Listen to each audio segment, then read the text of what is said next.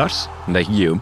De, de luisteraars die dit seizoen pas zijn aangesloten, die denken waarschijnlijk, wie is dat in godsnaam bij ons nu in de microfoon? Het heeft lang geduurd, hè? Het heeft lang geduurd, hè?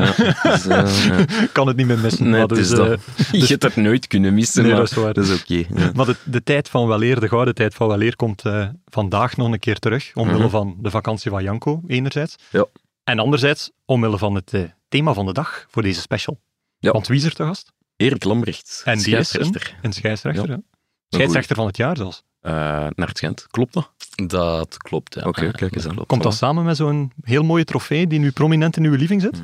Dat komt samen met een eh, trofee, ja. Klopt. gouden Zo'n, eh, de- de- Nee, geen gouden fluit. Dat heeft wel ooit bestaan, denk ik, die gouden fluit. Op de gouden echt? schoen. Ja, ja, ja, maar dat bestaat meer. Op de gouden schoen wordt, dat- wordt dat niet meer Nee, dat was de gouden stut. Ah, ik. Eh, ja. Ik wist echt dat dat bestaan heeft, Ah, maar dat was nog een beetje van voor mijn tijd. eh, Maar je hebt als echt een trofee thuis op de schouw Ik heb eh, ja, daar jaar een trofee ontvangen Oké, als scheidsrechter van het jaar. Van de, dat is op de Pro League Awards, waar Ja. de profvoetballer van het Ja. jaar eh, Oké, eh, gekozen wordt. En dat is, eh, daar gaat een trofee eh, mee wie, wie kiest dat? Is dat de spelers? Dat zijn de spelers en het bestuur en, en de trainers. Dat is nog die- de leukste erkenning dan eigenlijk.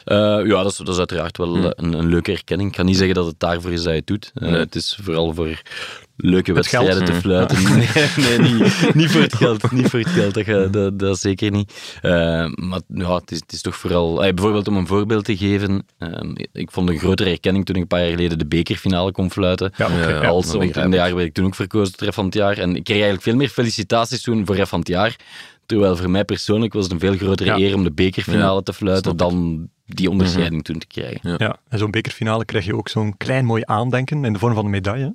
Ook als ref. Ja, dat, ja, dat klopt. Daar krijg je ook een, een aandenken. Ja, ja, ja, ja. Die, de trofee van profvoetbal... eh, nee, van zo profvoetballer, nee, dat had er nooit in gezeten. Maar de, de trofee van scheidsrechter van het jaar, eh, die heeft nog wel... Niet, in- niet in de living, maar die heeft nog wel een mooi plaatsje gekregen op de, op de vierde, waar dat ook mijn bureau staat eh, in mijn huis.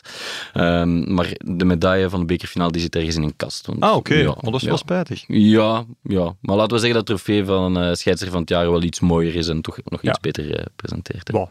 De gouden fluit lijkt mij het allermooiste. te zijn. niet. Ik- Het is het enige waar ik vanaf nu nog maar aan Ja. kan denken. De gouden fluit. kwam eruit. Ja. Ja.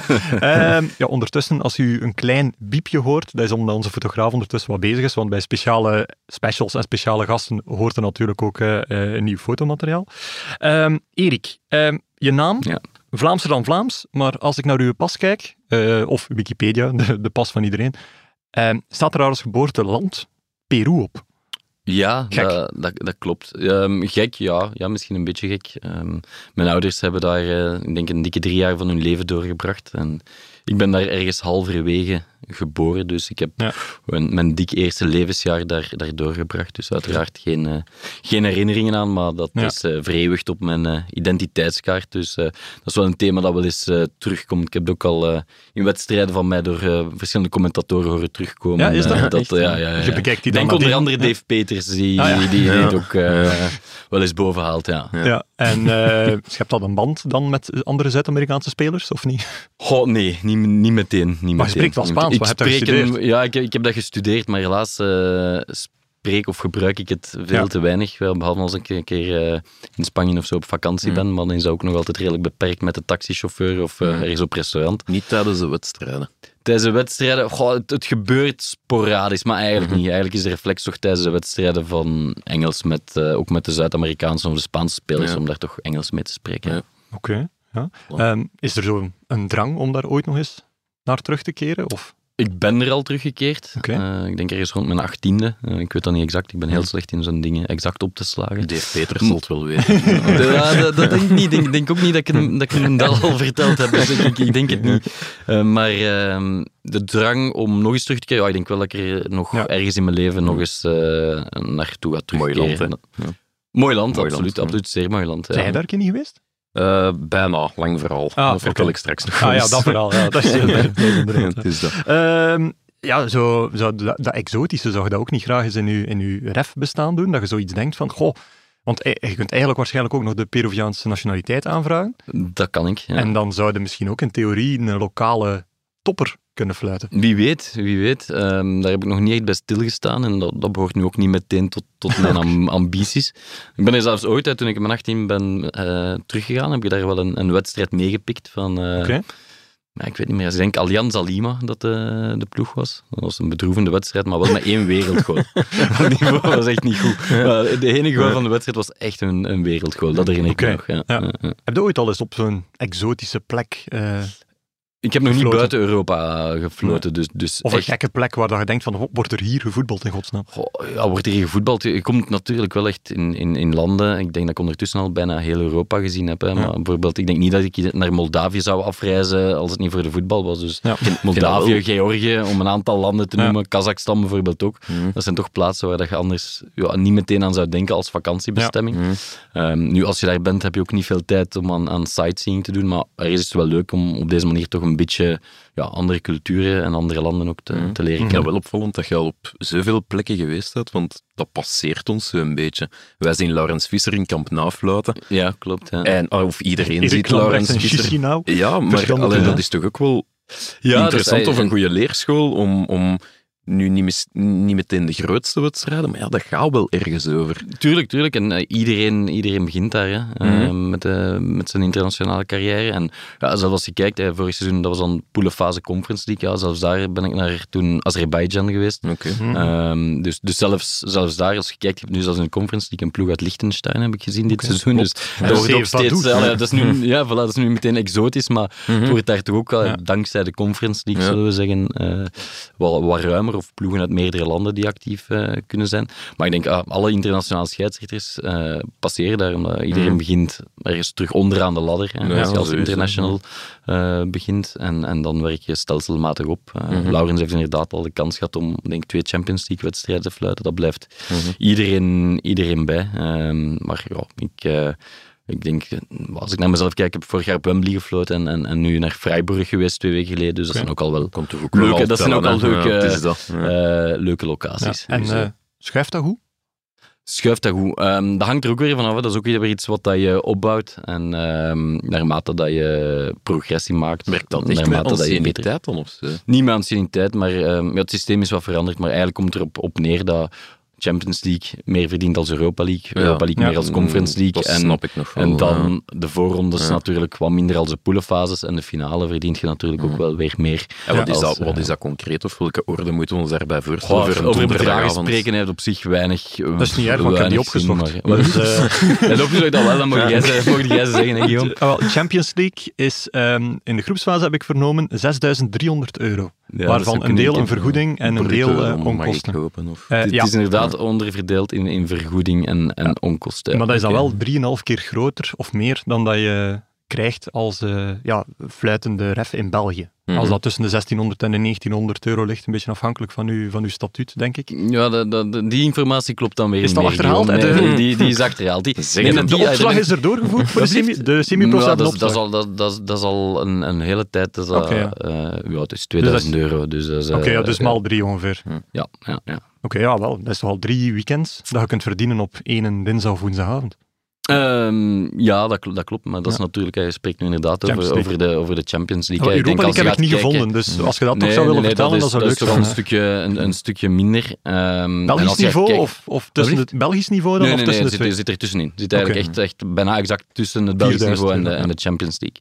Ehm, en, en als je dan kijkt naar de voorrondes, dan zit je denk ik qua vergoeding op, eigenlijk op een vergelijkbaar niveau als Ja. voor een wedstrijd in, in België. Wat moet ik mij voorstellen bij een onkostenvergoeding? Is dat om ter plekke... Te vliegen. eh, ja, dan, ja, moet dan, zelf, een- dan moet je dan zelf regelen. Nee, nee, nee. Vluchten, vlucht Ja. en hotel worden, worden voorzien. Maar inderdaad, als je ter plekke nog eh, ergens een, een, een koffie of zo Ja, wilt ja. eh, Een koffie. of ergens iets eten. 1500 Of euro onkosten Champions League voor Ah, nee, nee, koffie. nee, maar uw onkosten 1500, dat klopt ook niet, hè, Guillaume. Nee, nee, nee. nee, nee, nee, het niet geen 1500 voorbereid, euro onkosten. Dus eh, toch, toch een van een keer checken, Nee. maar we hebben echt geen 1500 Maar het is niet dat je zelf hotel en zo moet regelen. Nee, nee, dat, alles- wordt alles- gelukkig wel gedaan. alles wordt wel Ja, kunt maximaal 1500 euro onkosten doen misschien. Dat zou kunnen. Ja. Maar we zijn Nee, nu alleen maar over Dat zijn vaste bedragen, maar Zijn vaste echt, ik kom bedragen. niet in de buurt van 1500 euro. Ik zal, Vast, eh, was het 5,5 en 8? Dat zou misschien zo kunnen zijn. Zullen we over het spelletje Ja, we gaan over het spelletje want, eh, eh, eh, ja, want wat, wat er hier aan het gebeuren is, ik ga het niet heel uniek noemen, maar het is toch, het is toch eh, dit seizoen denk ik zelfs nog geen enkele keer vertoond. Zijnde iemand vanuit eh, de scheidsrechterspoelen die hier te gast is. Bram van Driessen was de allereerste bij ons ooit, al een paar jaar geleden. De dieren spraken toen nog. Ehm, en verder, Erik eh, verwees er ook zelf naar voor opname. En je hebt zijn naam al genoemd, Dave Peters. Vorig seizoen ben je zijn 11 Insiders klopt, geweest, ja. samen met Stephanie Ford. Ehm, maar ja, nu ja, is het al heel lang geleden eigenlijk dat eh, journalisten, maar ook fans en voetbalvolgers een, eh, een ref eens hebben gehoord. Dus dan zou ik eigenlijk willen openen met de vraag van, ja, hoe zou jij op dit moment de relatie tussen die groepen eigenlijk een beetje definiëren? Hoe dat fans ten opzichte van scheidsrechters staan, vice versa, journalisten die daartussen fietsen. Begrijpen wij elkaar allemaal nog op dit moment? Begrijpen elkaar helemaal nog waarschijnlijk niet. Eh, ik denk eigenlijk dat ja, het is een beetje een, een verhaal dat, ik denk ook wel over heel Europa, als ik, als ik met collega's uit andere landen spreek, terugkomt. Ja. Ehm, er is niet altijd evenveel begrip, of zeker ook sinds de invoering van de VAR ja, is er een beetje... eh, de discussie is eigenlijk verschoven. VAR, ging één, één streepje. ja, ja, ja, maar ja, als, als je over scheidsrechters praat, moet je tegenwoordig zeker ook over de VAR spreken. hè. Ehm, als je kijkt, het is eigenlijk, vroeger was, was, was het heel simpel. De eindverantwoordelijke was de scheidsrechter. En, en ja, dan werd er alleen maar over scheidsrechter gesproken. Nu heeft die discussie zich wat verplaatst, denk ik, Ja. naar, naar, naar de video scheidsrechter. Ehm, omdat ja, de mensen dachten, of dat is toch wat overal geschreven en, en gezegd werd bij de invoering van de VAR, van vanaf nu zal alles correct zijn. Mhm. Uiteraard zit je in het voetbal nu eenmaal met een reglement waar ook nog een eh, behoorlijk grote grijze zone is die, die, die vatbaar is voor interpretatie.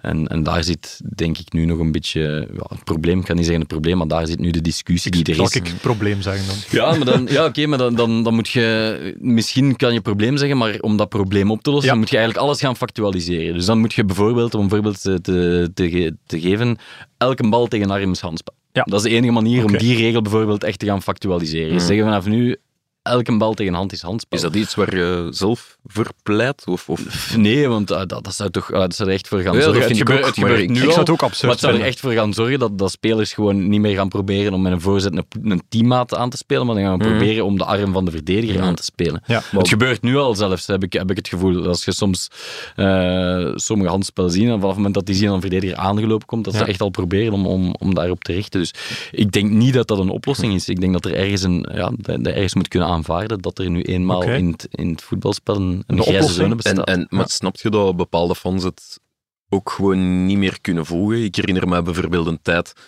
10, 15 jaar geleden, dat je echt al naar een bal moest slaan voordat we van hen spraken. Mhm. Nu zijn er bepaalde regels. Tot op dit stuk van uw arm is het hens. Tenzij je bewust al dan niet bewust. Snap je, er worden zoveel superregeltjes gemaakt dat de mens misschien allee, door de bomen het bos niet meer zien of omgekeerd. ik, ik snap, en, en zeker als je inderdaad puur gaat, eh, zoals het in de Laws of the Game eh, beschreven is, eh, in de Mhm. spelregels beschreven is, het puur gaat lezen, dat dat allemaal een beetje complex over kan komen. Mhm. Ehm, maar eigenlijk denk ik, en, en dat is ook de, de manier waarop dat wij ons dat eigen maken of eigen moeten maken, is gewoon puur op basis van, van clips. En wij, wij krijgen, ja, vooral via UEFA, hè, voor alle duidelijkheid, dat, dat komt niet allemaal vanuit België. Hè. Ook al, al die spelregels of al die interpretaties, dat komt van hogeraf. Dat is niet dat België zijn eigen regels, regeltjes daarin uitvindt Mhm. of, of bepaalt. Hè. Dat zijn de guidelines van, van UEFA. En eigenlijk, ja, ze sturen zij een heel deel clips eh, de wereld in van wedstrijden uit, uit ja, de meeste Europese competities of, of interlandwedstrijden over alle verschillende topics. En eh, daar hebben zij telkens een oordeel klaar van. Maar Ja, als het over handspel gaat, is dit nu handspel, ja of nee? Dat komt ook Ja. niet altijd tot bij de mensen. En Dat komt niet tot bij de mensen, maar de, de mens, het, eigenlijk is het vrij raadpleegbaar op het wereldwijde Ja, oké, web. maar je Dus kunt toch ja, niet van een voetbalfan verwachten. Nee, tuurlijk. snap je? Dus Ik zal het zo snap ik. het is ook wel een beetje ik. de Ja. verantwoordelijkheid van het Belgisch niveau, vind ik dan ook, om dat Door te duwen. door te duwen of nog beter te gaan communiceren. Of, of dat even... Ja, er worden infosessies gegeven bij clubs. eh, bij het begin van het seizoen, als ik me niet vergis. Ja, de Ja, klopt, fan ja. staat daar ook weer zo wat verder van. En, en die, die is niet bezig met oh, wat zou er dit jaar allemaal veranderd zijn. Ah, ik Ja, neem het even maar- op voor hen. Bij- hè. bij Ja, maar je Wagen- legt nu de verantwoordelijkheid bij ons, eh, maar ik denk... Als Voor u ik is het kijk, gedeeld. waar, waar kijken de mensen naar? De mensen kijken naar, naar de kranten, die kijken naar de sportprogramma's. Misschien kunnen de verantwoordelijkheid bij jullie leggen. Want jullie, kunnen het wel, is- jullie hebben wel toegang tot die clips. Dus als krant- jullie die de wereld in gaan sturen, dan worden fans denk ik beter bereikt dan wanneer dat wij die Ja, de wereld Maar in is, is het ook niet zo dat... Er ehm, valt iets voor te zeggen. maar- Da, daar valt iets voor te zeggen. Ik zou het sowieso een gedeelde verantwoordelijkheid noemen. Mhm. Ik denk ook dat ehm, journalisten en analisten het reglement heel goed zouden moeten kennen en dat dat zeker niet altijd het geval is. Maar is het ook niet zo, ja, omdat Lars ook zegt, dat reglement vaak kleine wijzigingen of kleine focuspunten. Op den duur moeten bijna ja, hogere studies hebben gedaan om een volkssport als voetbal, en dat is ook ja, historisch geen volkssport, maar toch, Mhm. om die te gaan begrijpen. Ik- Hier, ik heb, we hebben eh, of op voorhand al even gebeld, eh, de mensen mogen dat weten, dat we altijd zo'n beetje wat thema's afbakenen. En toen kwamen we allebei op de beschrijving van een deliberate save en een deliberate action bij buitenspel. Als ik dat in het Engels voorlees, ik ga een stukje doen, maar na vijf woorden zijn weg. A player in offside position receiving the ball from an opponent who deliberately plays the ball, including the deliberate handball, is not considered to have gained an advantage unless it was a deliberate save by any opponent. Waarna ze safe en deliberate nog eens expliciet gaan uitleggen om het nog moeilijker te maken. Kun je dat even vertalen? Ah, wel, kijk, ja. Daar beginnen hè. natuurlijk. Nee, maar ik, ik- ja, men- ik kom eigenlijk weer tot, tot eh, hetzelfde verhaal. Is inderdaad, als je dat in theorie gaat lezen, is dat Ja. inderdaad kan eh, behoorlijk complex overkomen. Maar dat is het toch ook voor scheidsrechters, niet? Nee, net daarom dat, dat, dat het belangrijk is dat wij met Mhm. veel clips en beelden Ja. werken om die zaken Mhm. in de praktijk te, te duiden of, of, of wat er verwacht wordt.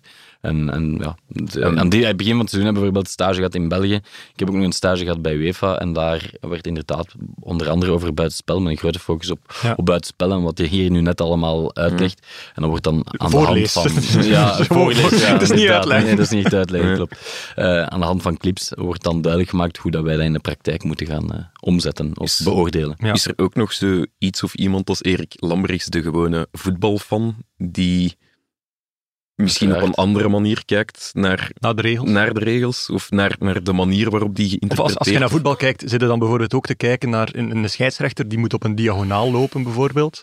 Allee, Ja, toch nee, degene nee, die nee. geen lijnrechters heeft, zodat hij, allee, zo werd dat vroeger Ja, aangeleerd. je, je hebt inderdaad, eh, ja, want eh, je bent zelf even, even Ja, actief ja. geweest als scheidsrechter, heb ik, La- la- heb ik horen lang genoeg. waaien, maar, lang genoeg. Nee, ja, uiteraard heb ik ook meer dan een gemiddelde supporter, denk ik, aandacht voor, voor wat de scheidsrechter doet en waarom hij bepaalde dingen beslist of waar hij staat bij bepaalde acties. Dat sowieso. Eh, maar uiteraard, eh, als ik naar een voetbalwedstrijd kijk, ja, zeker als ik naar een wedstrijd van de nationale ploeg kijk bijvoorbeeld, ja, kijk ik als voetbalsupporter en niet Ja. als eh Erik scheidsrechter. Vloek je soms op de scheidsrechter dan? Als de Rode Duivels nu bijvoorbeeld een penalty tegenkrijgen... Heb je je gevloekt denkt, op Peter Prendergast? Ja, toen, absoluut. Toen, wa- toen was ik... eh, ja, ja, tuurlijk. Ik denk dat de hele natie toen gevloekt heeft Dat op eh, zijn. Pieter Mijn allee. eerste herinnering is zelfs toen was ik ook nog belang in scheidsrechter, is Reutlisberger. Dat is mijn eerste oei. herinnering. 94, Ja, ja. mijn eerste toernooi dat ik me actief herinner. Dus ja, toen, ik zat toen op, op voetbalkamp. En toen, En was- keek, die man wij- wil ik worden. Nee, dat, die, nee, die beslissing had ik toen eh, nog belangen niet gemaakt. Dus eh, nee, nee, nee, nee. nee. Maar, maar dat kan, dat je zo eens zegt van... Ja, allee. Ja, dat, dat je in een, een moment even denkt van, Ja. ah, godverdomme, wat voor grappig, ja. ja. Ja. Maar, eigenlijk, maar eigenlijk is dat echt enkel en alleen bij, bij nationale ploeg. Ja, ja, omdat dat toch, eh, ja, ik Eh, denk dat... Het is geen enkele club in België die ook een supportersgevoel geeft. Ik kan je Nee. niet vragen na die club, want ik weet Nee, dat je nee, dat nee, nee, ik, was als kind supporter van... ehm, ja, ik ga het jullie laten raden misschien, van Leuven. een kleine Leuven. ploeg... Nee, nee, ik ben een, een, een kleine ploeg die in het rood en geel speelde. Maar Ja, niet- op het hoogste niveau in België. Op het hoogste niveau? Ja. Ah, boom. Rood en geel, ja. ja. Boom toch, hè? Nee? Nee, nee, zo, boom, dat is blauw en wit, denk ik. Eh, Het Antwerpen, KV ja. Mechelen? Antwerpen is juist, maar... Nee, nee, nee. nee. Germinal Leker. Ah, Germinal Leker, oké. Ja, Oké. Ja, via, mijn ja. familie. Ik kan niet helemaal Oké. Nee, nee, nee, nee, dat is eh, oké. ja. Ja, ja, Cool ja. Nee, het was plezant met Ja. die toeter achter. Ja, ja, ja, dat is wel. Ze vinden die niet meer trouwens. Is die verdwenen? Ja, ze hebben daar ooit eens een journalist achter gegaan. Wat is er met die toeter gebeurd? En niemand wist dan nog te zeggen in één keer. die is met iemand in het Een van de grote mysteries, ja, maar dat terzijde natuurlijk. Ja. Maar dus dat gevoel, dat heb je niet bij een dat heb ik eigenlijk... Nee, Wat makkelijker maakt als scheidsrechter, denk ik. Dan. Ja, mis- misschien wel. Misschien wel, maar dat, dat gevoel is inderdaad... eh, heb ik eigenlijk alleen toen met Germinal Leker gehad. En eh, die zijn toen ja, gefusioneerd. En, eh, Ja. Eh, verdampt was dat dan een verhaal, beetje. was dat verhaal eh, gedaan. Maar dat was wel tof. Je was een van die mensen die zo afhaakte is- door de fusie.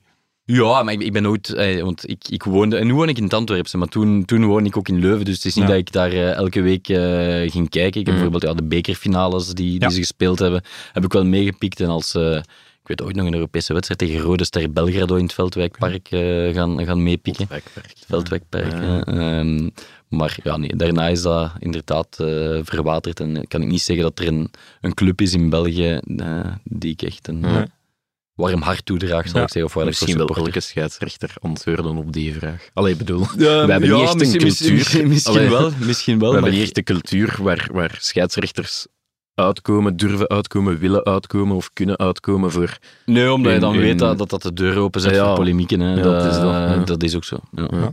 Is dat dezelfde periode dan waarin de liefde voor het vak gegroeid is? Waarschijnlijk wel, want je zei redelijk vroeg moeten beginnen. Goh, de liefde voor het vak, maar dat, dat is stelselmatig eh, gegroeid, denk ik. Ja. Ik ben eigenlijk gewoon op mijn zeventiende... eh ik speelde... eh, ik woonde toen nog in het Leuvense, dus ik speelde bij KVC Kesselo. eh, Mhm.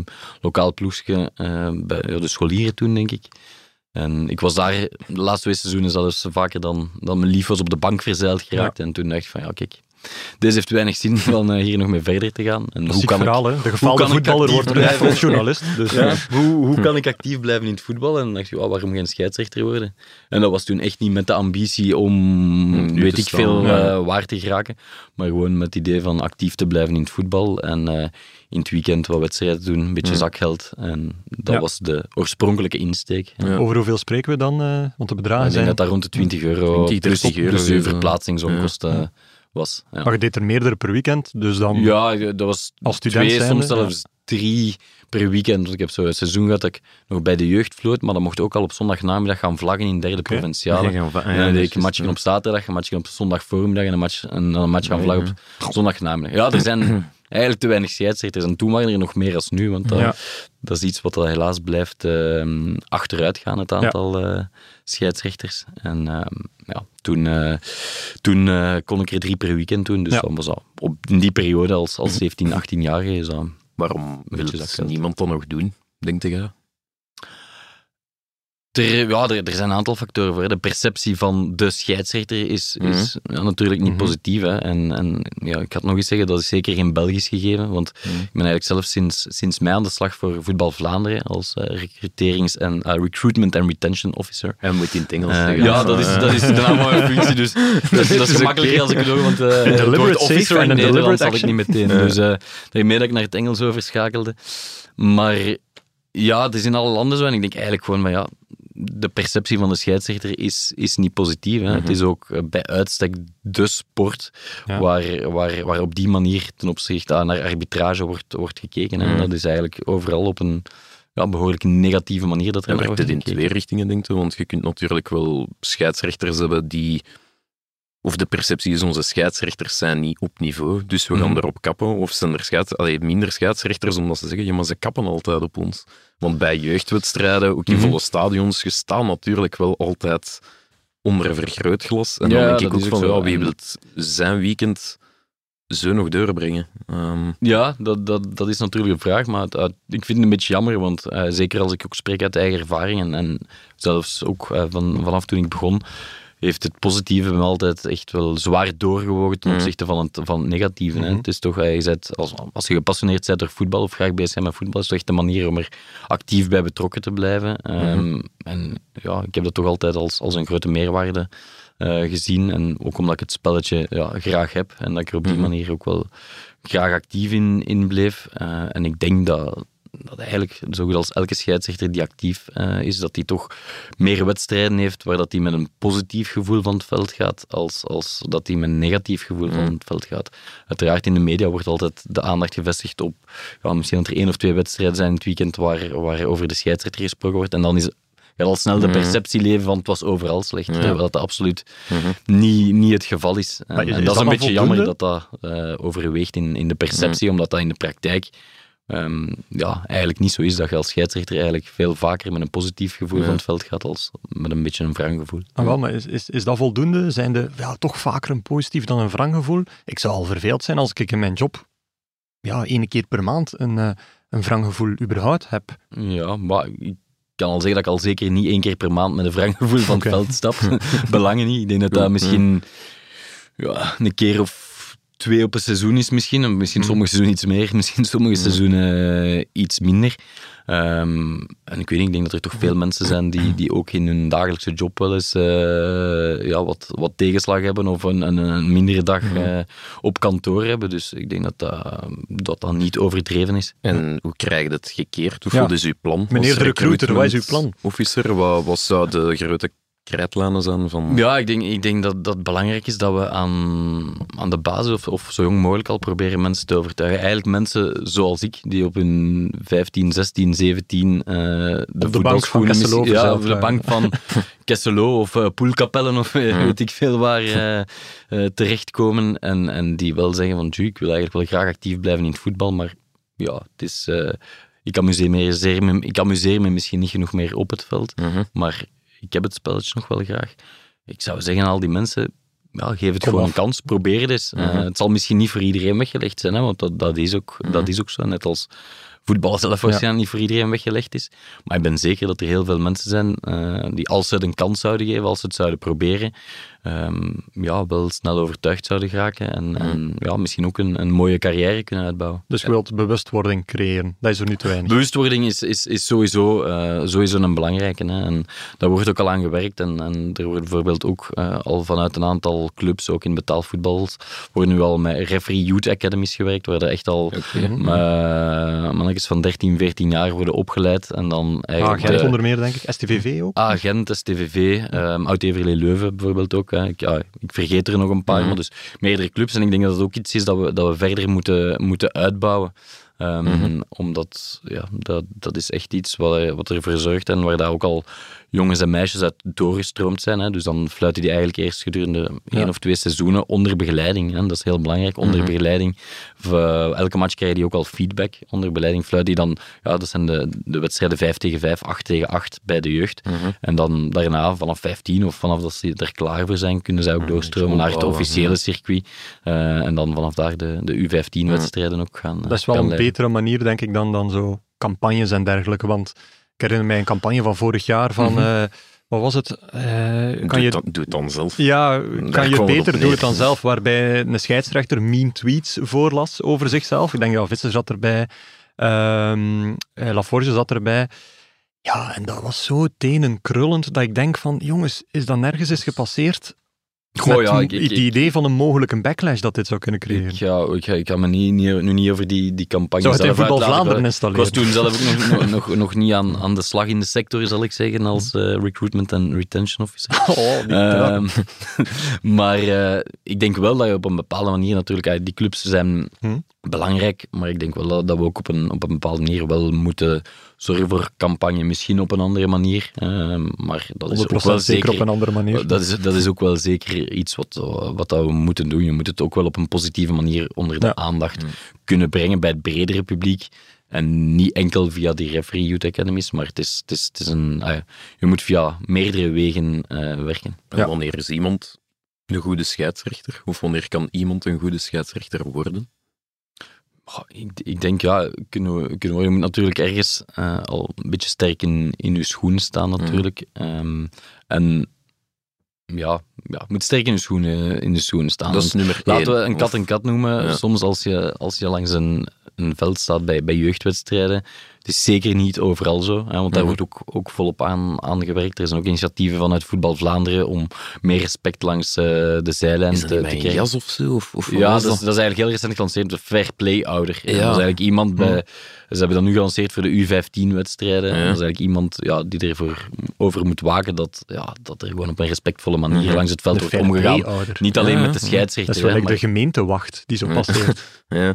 ja, oké, maar het is, eh, er, er, het is denk Het ik wel goed dat daar initiatief... Ja, het is nog maar heel recent gelanceerd, dus eh, ik hoop dat het gaat marcheren, want ik denk wel dat er daar een, een soort mentaliteitswijziging nodig is. En Mhm. dat dat ook een onderdeel is dat ertoe kan bijdragen dat er toch meer mensen zin krijgen om Ja. scheidsrechter te Mhm. zijn. Want, eh, ja, Ik vind het wel opvallend dat je zegt, de, de belangrijkste eigenschap is sterk in je schoenen staan. Ik zou denken dat bij een Regelgeving, scheidsrechter ja, de regelgeving op één staat. Ja, oké, maar, Nee, maar ik dat, is iets wat, dat is iets wat je kan leren natuurlijk. Ja, ja, maar ik dat, is, bedoel, dat is het- gemakkelijk aan te leren. het uiteraard. zegt wel iets.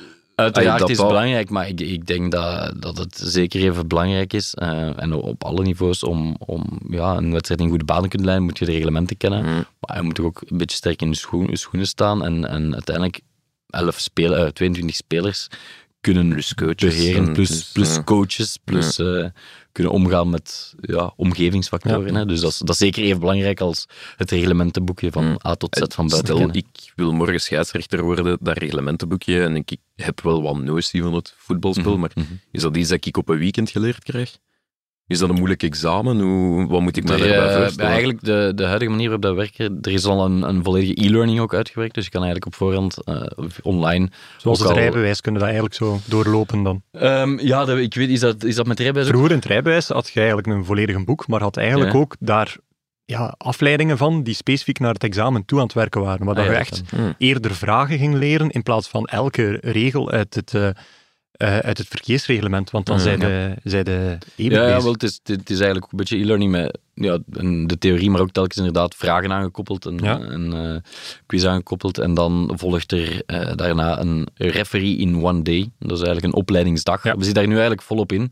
Eh, er zijn er al drie achter de rug. We hebben er eentje gehad in Brugge, ehm, eentje in Wilrijk en eentje in Genk. En er staan er nog twee te gebeuren. Volgend weekend is dat in Heverlee, bij Leuven. En dan op 1 oktober nog één in Gent. Ja. Dus bij deze nog een warme oproep als er mensen zich geroepen voelen om, eh, om het een kans te geven. Ja, Eh, ik heb die, u eh, gerust in. ik heb die ooit in. gedaan, hè, ook. Ja, dat was is toen dat, nog is dat niet... een dikke boek of zo? Of Nee, dat was niet dat concept, maar dat was ehm, in de Stoppelstraat in Gent. Ik denk niet dat het gebouw daar nu nog is, denk ik. Ik Dat ken is, de Stoppelstraat in Gent niet. Ja, dus, wel, kijk, dan zal het niet zijn. We kennen die in Kesselo, maar... Maar eh, dat was in de voormiddag een beetje eh, ja, lesgeven eigenlijk. En in de namiddag was dat effectief een examen. En ik moet dan wel zeggen, Erik, dat is ondertussen 15 jaar geleden. Ehm, eh, ja, gebuist betekende daar onder de 70% op Ja, je examen hebben, klopt. dus niet onder de 50. Dat ja, dat klopt. nog dat is nog altijd zo, ja. En er was, ehm, ja, iedereen had 95 of 96, 97 procent. Dat lag echt heel hoog. Ook omdat de lokale officieren daar u toch wel Ja. er een beetje doortrokken. Er was een stuk schriftelijk en er was dan een stuk mondeling. Mhm. En, en er was één iemand van die groep van wat, 60, 70 gebuist. En die, die zat bij mij, en die had niet enkel geen 70, die had ook geen 50. En die zat bij mij in het mondelinge deel. En het mondelinge deel was per drie toen. mhm. Ehm, ja, en die kerel die hem die vragen stelde, dat was sleuren en trekken. En, en, en toch proberen het antwoord, In de mond te leggen. ja, bijna zo. Ja. Totdat hij ook merkte van, nee, deze man mag ik echt niet op een veld sturen, we hebben er tekort, maar dit, dit kan echt niet. En ja, dat, dat was echt schrijnend om te zien. Dus, Ja, ja. allee, mensen die denken van, god, het gaat moeilijk zijn voor mij, ik moet echt al dik tegenvallen om er niet door te geraken, denk ik. Is- Ja, ik heb, ik, ik heb nu wel inzicht in, in de, de Ik bedoeling. hoop dat een beetje anders is dan de- 15 jaar geleden. Ja, het is, het is- ja, het is, het is wel echt een, een redelijk pertinent examen. Ik denk dat tot nu toe wel iedereen geslaagd is, maar wel zeker niet allemaal met 95 en 96 procent. Dat, dat zeker niet. Eh, maar ik denk ook dat, dat, dat ze er ja, toch goed op voorbereid worden. Ja. Dat, dat, dat is ook wel de bedoeling. En, en uiteraard, ja, als iemand ja, het echt niet kan, ja, dan eh, gaan we die oor ook niet doortrekken om die erdoor te, te trekken. Maar uiteraard, eh, als we de mensen de kans kunnen geven om zich op het veld te bewijzen, liever Ja. wel dan niet. Ja, stel je voor, jong, dat een ref uit 1A buist voor die theorie, Lars. Is dat de dat olifant? voel komen, zo, Is dat de olifant in de kamer? Ja, dat ik het Elk jaar opnieuw examen. We hebben elk jaar opnieuw examen. Eén keer per jaar? Of, Eén keer per jaar in het Ja. begin van het seizoen, ja. En wat is er misgelopen in 2017 toen er een bericht Ja. binnenkwam, Erik Lambrecht niet geslaagd voor theoretisch examen? Goh, wat is er misgelopen? Ja, kijk, ik had eh 60 per... Het Echt zijn met de 10 vragen, vragen, dus ik had hè? 6 op 10 in plaats van 7 op 10. Hè. Dat is er misgelopen, Ah, ja. ja. Ja, nee, dat, is- dat, is- dat, is, ja, dat was niet leuk, hè. Ja. Dat, dat, dat is kloten, want dat, dat komt dan ook in de media eh terecht. Ik, weet nog, ik denk dat, Open dat Juricha communicatie, Voetbal ja. mij nog heeft, mij nog heeft eh gebeld Gesabeld? met de vraag of dat ik nu niet dacht om ermee te stoppen. Dat- De dat Ludo. Ja, Ah, de Ludo heeft toen nog gebeld met de vraag, zouden, wilde er nu niet mee stoppen? Ja. Ja, nee, natuurlijk wil ik er niet mee, mee stoppen. Ik vond dat een heel bizarre vraag toen. Wat, ik weet het niet. Ja. Op basis van één, omdat je één keer buist op een Ja, examen. misschien is dat ja. voor iedereen anders. Eh, Misschien zijn er mensen die zeggen van... Oh, Allee, ja, wij zien dat als een eh, equivalent van dat wij plotseling een opstel moeten schrijven en dat je daar twee tot drie dt-fouten in, in, in schrijft. Dan denkt je misschien ook van, ja, misschien moet ik geen journalist meer zijn. Snapte? Ja, ja, ja. Nee, ik heb daar gelukkig niet zo over gedacht. Ik heb er kans in gehad. Eh 10 op 10 gehaald toen. eh, In tweede set? Ja, ja, in tweede set heb ik- anders had ik gedaan 10 dan, op of, 10, maar eh? toen wel een maand of twee geen wedstrijden eh gefloten. Dus dat, dat, dat, dat is...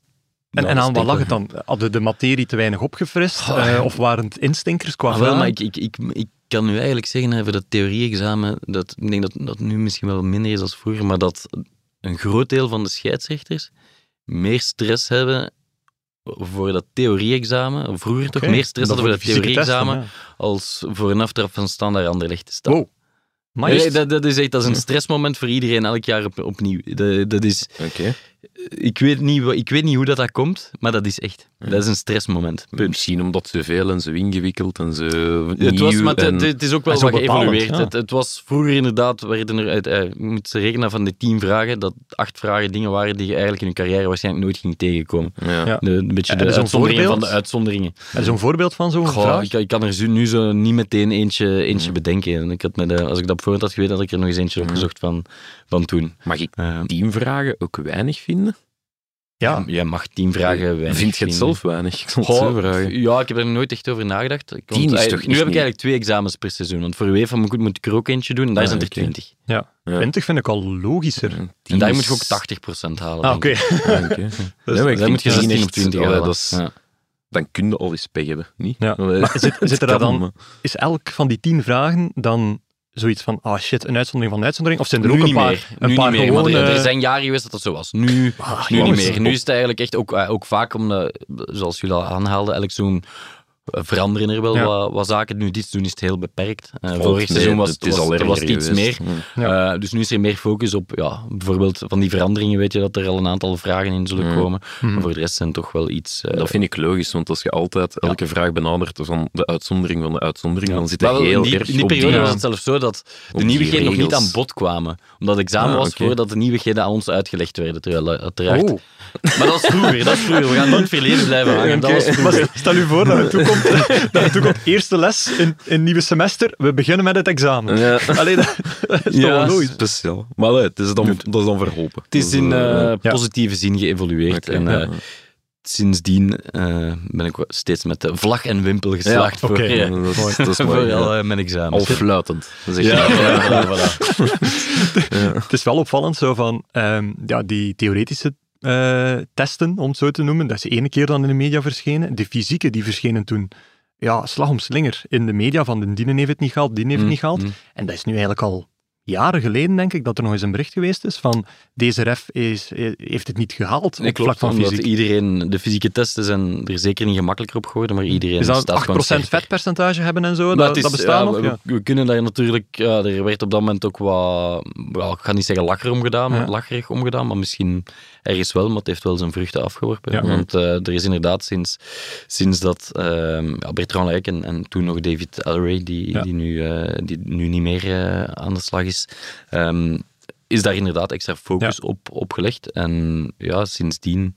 eh, ja, zijn de resultaten van de fysieke proeven wel een Gaat het het beter fluiten met een Ja, laag vetpercentage? Ik weet dat niet. het gaat niet enkel om vetpercentage. Gewoon als je kijkt naar de fysieke testen, en die zijn natuurlijk absoluut representatief. Hè, want als je Mhm. niet slaagt voor de fysieke test, wil ook zeggen dat je in het weekend sneller moe gaat zijn, meer in hoge intensiteit gaat zitten. Maar is het, is het niveau van de Belgische refs zo fameus gestegen sinds de invoering van die fysieke parameters?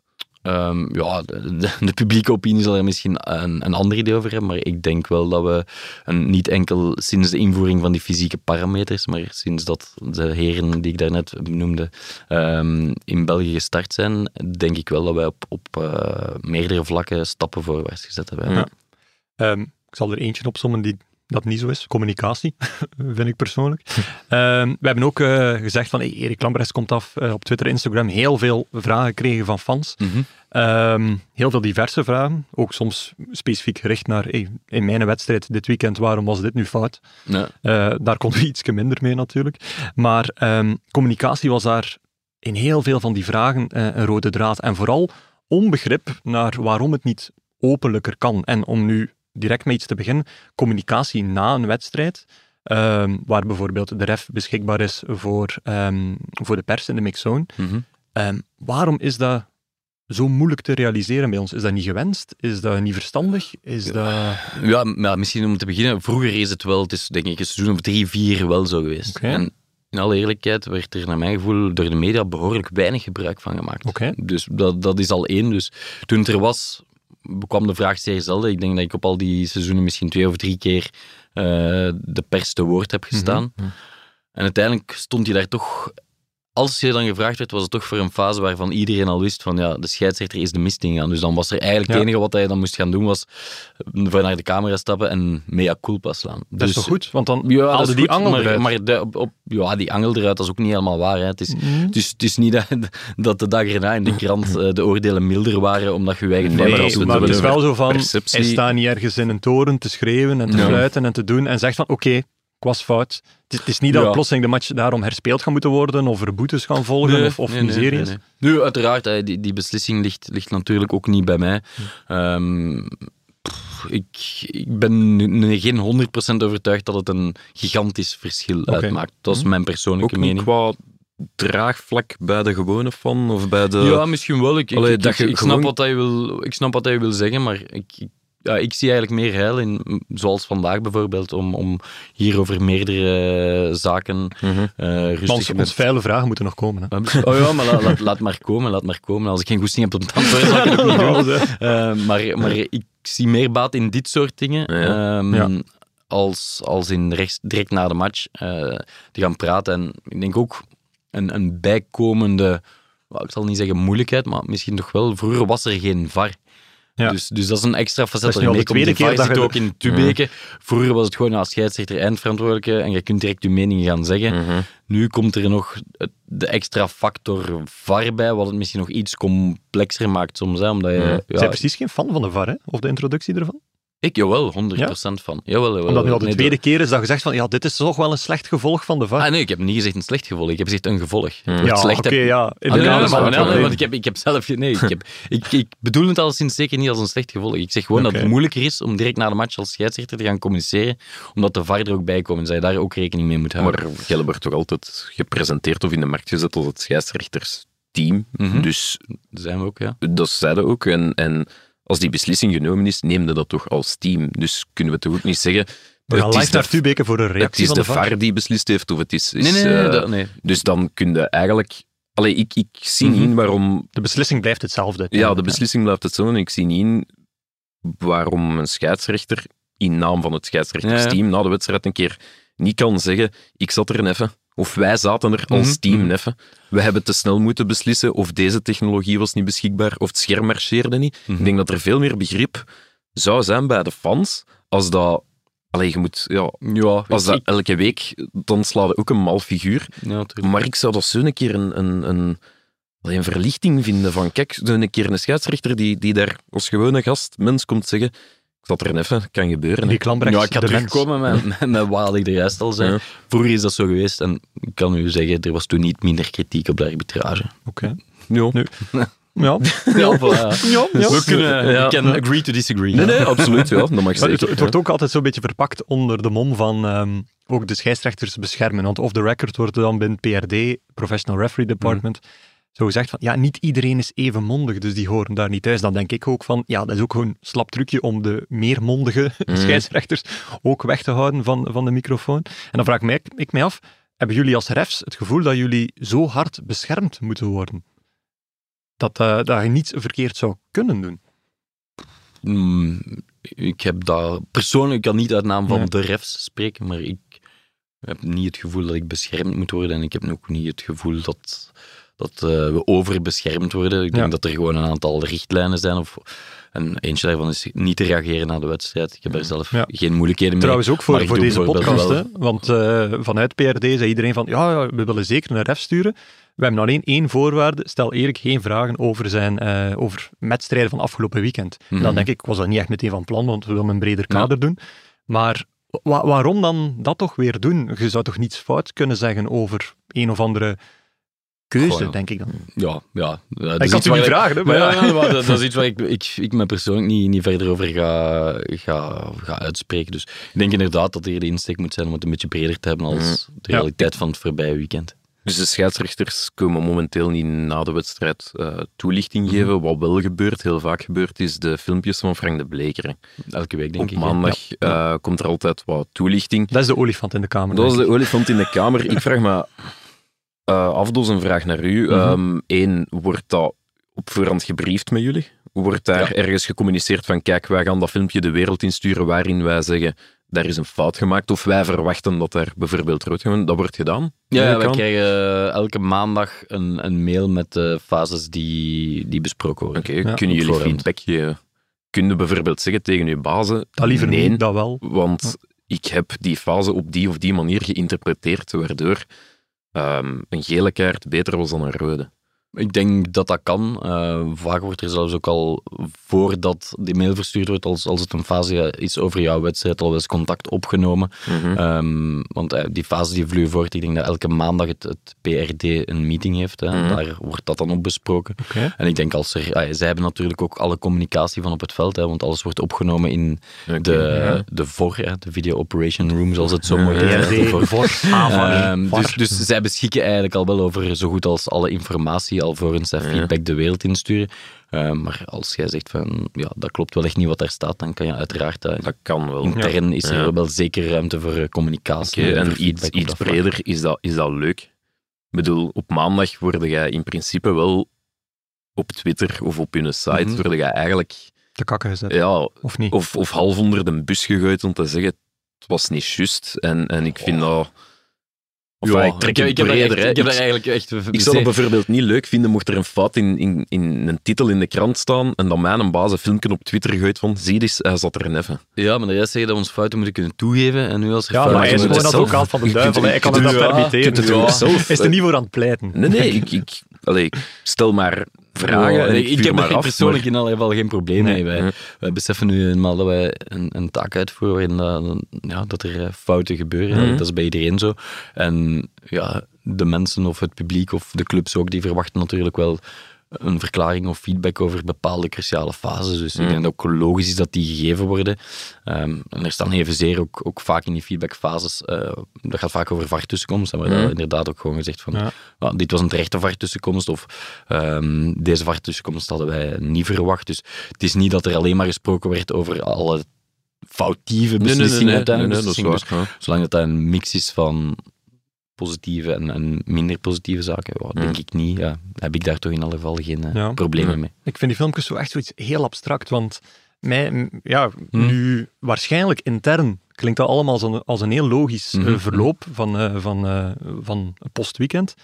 Maar wat ik aan de, aan de uitkant zie, samen met heel veel andere mensen, is ehm, een, een man die niet gemaakt is daarvoor om dat te doen, een beetje te houterig is, ehm, op een hele gekke achtergrond, waar dat er eigenlijk maar een beetje lukraak fasen worden gekozen. Dan denk ik meteen, ah ja, maar ik ben fan van ploeg A.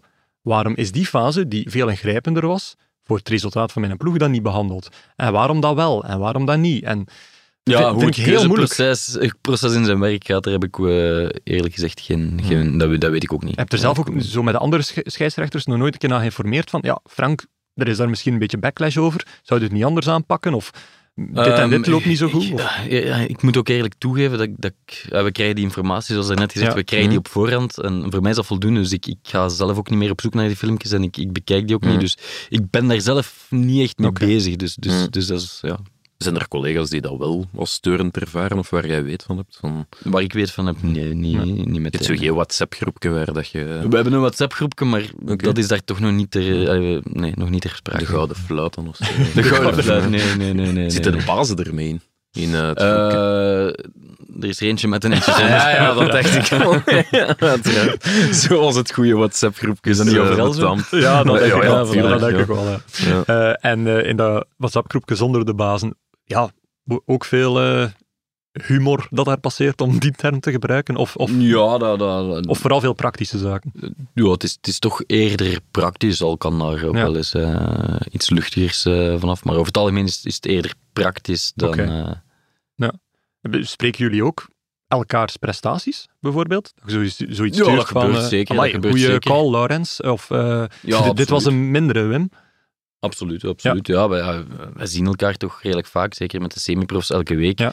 Ehm, en, ja, ik vertrek ook samen met, met, met collega's naar het buitenland of wedstrijden in België. Of je zit in het weekend in Tubeke als VAR en dan zie je ook voor andere wedstrijden VAR-teams langskomen. Dus uiteraard bespreek je dan fases, bespreek Ja. je dan eh, elkaars wedstrijden. Ja. Dat, dat, dat is ook logisch. En vraagt ook eh, elkaars mening over, over bepaalde fases en wedstrijden. Dus ja, uiteraard, ik denk En ik denk echt wel dat, eh, ja, dat we op dat vlak met een, een positieve groep zitten en dat Mm. het niet is dat we elkaar onze eigen fouten willen gaan toedekken of goed praten, maar dat er wel op een open en constructieve manier met iedereen over er gepraat kan worden. concurrentie zo tussen scheidsrechters? Daarom niet ten nadele van Mhm. iemand anders, maar iedereen wil toch de beste zijn? Ja, de beste zijn uiteraard, die eh, wil je, wil je graag, eh ja, je wil je dat je carrière mogelijk, evolueert, ja, hè, en dat je zowel in, in België als, Mhm. als op een bepaald punt in Europa misschien mooie wedstrijden krijgt. Dus, dus op dat vlak wil iedereen natuurlijk wel presteren. Maar ik denk niet dat dat ten koste gaat van, van een teamwork. Of dat Mhm. bijvoorbeeld als de ene dan in het weekend var iets van de andere, dat die daar op een negatieve manier invloed Mhm. op gaat proberen te helpen. Dat, hebben, sorry. dat denk ik zeker niet. Ik denk wel dat we en dankzij het feit ook dat we, dat we elkaar toch vaak zien, hè, bijna, bijna wekelijks of eigenlijk echt wekelijks zien, dat dat er wel toe bijdraagt dat je, dat je, ja, dat je echt wel een, een soort ja, teamgeest ook eh, creëert. Ja, voelt iedereen zich gelijk binnen het korps? Want allee, dat is Mhm. van wat ik van buitenaf zie. Er wordt precies heel veel toegewerkt naar we kiezen een uitverkorene die heel goed bezig is en we gaan die proberen op het Europese bestel zo ver mogelijk te krijgen. Een beetje de tactiek Frank de Blekeren en dan straalt dat af op de, op de Belgische refs. En Goh, mijn gevoel is dat Laurens Visser is Mhm. duidelijk de, de, de vooruitgeschoven man is nummer één op dit moment. Maar Mhm. ik, allee, ik, ik ken te weinig van, van scheidsrechter zijn om te zien van wat is het verschil tussen een Laurens Visser en een Erik Lambrechts, dat hem dan zoveel beter maakt en verdient niet iedereen dan is een Champions League groepsfase match op termijn. Ja, maar wie Champions League fluit, dat is niet aan onze bazen om dat te beslissen. Hè. Eigenlijk wordt er elk jaar een, een lijst van, van zeven scheidsrechters voorgesteld, FIFA-scheidsrechters. Dus binnen die FIFA-groep, als je daarbij zit als Belg, ligt volledig in de handen van de UEFA. Dat ligt volledig in handen Oké. van UEFA. En eh, binnen UEFA, vroeger had je vier categorieën. Hè. Nu zijn dat er eh, drie geworden sinds eh, begin dit jaar. En dus daar zitten we dan met, met zeven scheidsrechters in, in, in die categorie. En vanaf daar is het volledig in handen van UEFA wie welke wedstrijden fluit, wie promoveert eh, en zo verder. Dus dat is... eh, Maar gelijke behandeling binnen het korps is wel uw gevoel dat dat effectief Eerlijk is. gezegd wel. Ik denk ook, ehm, zeker als je vergelijkt met, met vroeger, eh, vroeger was er vaak een, een behoorlijk groot verschil in aantal wedstrijden tussen de Ja. Topscheidsrechters, tussen aanhalingstekens toen, en, en, en de iets jongere scheidsrechters die, die nog maar net aan, aankwamen. Ehm, terwijl dat er nu toch al, dat is al veel meer gelijk is getrokken. Ik denk dat als je op het einde van het seizoen gaat kijken naar aantal wedstrijden, dat de kloof Ja. daar veel, veel kleiner is. En ik denk, ook als je kijkt naar dit seizoen en ook al vorig seizoen, ook naar topmatchen toe, dat er toch breder wordt ingezet. Om nu een concreet voorbeeld van dit Ja. weekend, dat we hebben Jasper Vergoten. Mocht die... niet praten over dit weekend, Erik. Wat blieft? Mocht niet praten over dit Ja, weekend. dat ga ik toch nu even doen. Ik zal, niet, ik zal, ik zal eh, zijn prestatie niet beoordelen. Ik heb de wedstrijd ook niet gezien. Eh, maar je hebt Jasper Vergoot die dan een standaard Club Ja. Fluit. Dus ik denk wel dat dat een, een positieve evolutie is. Ja. dat En dan en oude zak Erik Lambrechts die Genk Gent heeft gefloten. Zak, oude zak. Dus, eh, we zitten, eh, ik ben net 38 geworden. Eigenlijk is dat... In België is dat op dit moment zit ik inderdaad bij de de ouderen. ouderen, dus ja. dat kan ik eh, Mogen in België tot... 45, denk ik? Staat er een leeftijd? Er is geen leeftijd. Nee. Er is geen leeftijd, maar we zitten wel met een enorm jonge groep in België. Ja. Eh, Want het is toch een leeftijdslimiet dat je Nee. moet stoppen? Vroeger Nee. was dat toch? ja, dat 45 is al lang, dat is al lang Ja. Ah, dat is niet meer... eh, Oké. nee. Want in Engeland is mijn gevoel, zijn dat veel oudere Ja, ja, ja, scheidsrechters ja. gemiddeld. Maar Of is bijvoorbeeld, dat- Johan Verbist heeft ook tot zijn 51 gefloten, denk ik, in België. Eh, maar nu zitten we gewoon met een gigantisch eh, ja, jonge groep. Ik denk dat Alexander Boucault misschien de, de oudste is en die is er 40, 41. Oké, dus, Dus eh, we zitten gewoon met een heel jonge groep. Ja. Allee, nog Nu- tien jaar boeko. nog die- Dat eh, heb ik gezegd. hè, ja. Dus. Over eh, die aanduidingen. ehm, is het ook niet zo dat dat systeem gewoon heel gek is en heel veel ehm, macht geeft aan, aan een paar of zelfs één enkele figuur? Like nu, Lajek doet de aanduidingen, Mhm. eh, daarvoor zal het eh, Verbiest geweest zijn en daarvoor Mhm. die ene baas. Ja, als je daar toevallig als ref iets minder ehm, band mee hebt, of die is minder fan van je stijl, want het komt ook heel vaak neer op stijl van refs en of dat de manier is waarop dat je wilt doorgaan, ja, dan wordt je carrière gewoon daar op die hoogte gehouden. Ja, maar, maar dan kom ik terug tot wat ik net heb gezegd. Hè. Ik denk dat er nu wel eigenlijk een, een redelijk ja, eerlijke verdeling is en dat, er toch, dat toch iedereen zijn, zijn kansen krijgt en behoorlijk veel wedstrijden op het Mhm. hoogste niveau arbitreert. Dus ehm, naar mijn gevoel eh, ja, is dat toch een, een, een behoorlijk eh, correcte manier van werken op dit moment op dat vlak. Oké, alright. ja. Ehm, communicatie. We hadden communicatie na de match. Eh, communicatie tijdens de match. Dat Mhm. is sowieso de tweede vaakst gestelde vraag. Ja. We kijken naar landen als, eh, ik denk in Australië is het, is het gangbaar. Ehm, andere sporten zoals hockey eh, is het gangbaar. Communicatie onderling tussen refs of tussen refs en VAR Ja, Ehm, tijdens de VAR. Ik denk niet dat tijdens de VAR ja, ja, eh, ja. beschikbaar is. Maar zoals je zelf zegt, van ja, communicatie tijdens een wedstrijd. Ehm, wat is daar dan het argument tegen om het niet te doen? Ik er- gezegd van, ik wil doodgraag dat elk woord doorkomt. Heb ik dat gezegd? Nee. Ah, nee, nee, Dus nee. nee geef je de keuze Ehm, nog. Ja, maar nee, als, als je de communicatie... Dan zou je eigenlijk de communicatie van alle spelers moeten hebben. Want als je de communicatie... Dan heb jij enkele communicatie van de refs en 90% van de communicatie... eh, niet 90%, maar een groot deel van de communicatie op een veld is met de spelers. Maar toch niet tijdens een VAR-check. Nee, nee, als, als, VAR-check. maar ik heb nu, hij hij heeft het over Ah, alles. Ja, Hè. ja, volledig Laten we beginnen met alles dan kunnen. Maar als we het hebben over alles, ja, dan moet je eigenlijk, de, vo- om het volledige verhaal te kennen, moet je eigenlijk ook alle spelers kunnen horen wat ze zeggen. Mhm. Want anders eh, ja, ga je nooit het volledige verhaal, verhaal kennen. Om een voorbeeld te geven, Lardo met Burgess, die hem zogezegd de slechtst centrale eh, verdediger die hij ooit al zag spelen eh, genoemd Mhm. heeft. Of eh, Laforge, een van de twee. Ik, ik wil er vanaf zijn. Ja. Ehm, en dan ja, werd er vanuit het PRD een beetje ja, gewoon gezegd, het is uit context ge- eh, gehaald. Ehm, ja, punt. Daarmee moeten we het dan doen. En dan denk ik van, ik wil best geloven dat er ook iets gezegd geweest is door Burgers. Dat zal waarschijnlijk ook wel zo zijn. Mhm. Maar nu ja, blijft de focus vooral op de scheidsrechter liggen en denk ik van, dit had verholpen kunnen worden eh, of een angel uitgehaald als die communicatie achteraf beschikbaar gesteld zou zijn. Ja, nee, weer al niet, want je zou niet horen wat Burgers gezegd heeft. Je hoort, eh, die communica communicatiesysteem is echt heel specifiek afgesteld. Je hoort echt enkel Ja. de scheidsrechter en de Niet, assistent. Dus je gaat eh, nooit, mhm. als iemand, al, zelfs van op een halve meter, ga je niet horen wat iemand anders zegt. Dat communicatiesysteem. Dus dat Maar je zou wel kunnen horen wat de ref expliciet gezegd heeft. Eh, misschien, maar niet, de, de gele communicatie wordt niet opgenomen. Alleen de communicatie tijdens eh VAR-checks wordt volledig opgenomen. Oké. Dus die wordt niet... Dat is niet in de, de, file de van volledige 90 communicatie tijdens de hele minuten. wedstrijd wordt op dit moment niet opgenomen. Nee. Nee. Ah, oké. Maar laten we het dan even hebben over puur VAR-check. Ja, Dat zou toch een goed idee zijn om dat achteraf, of zelfs live...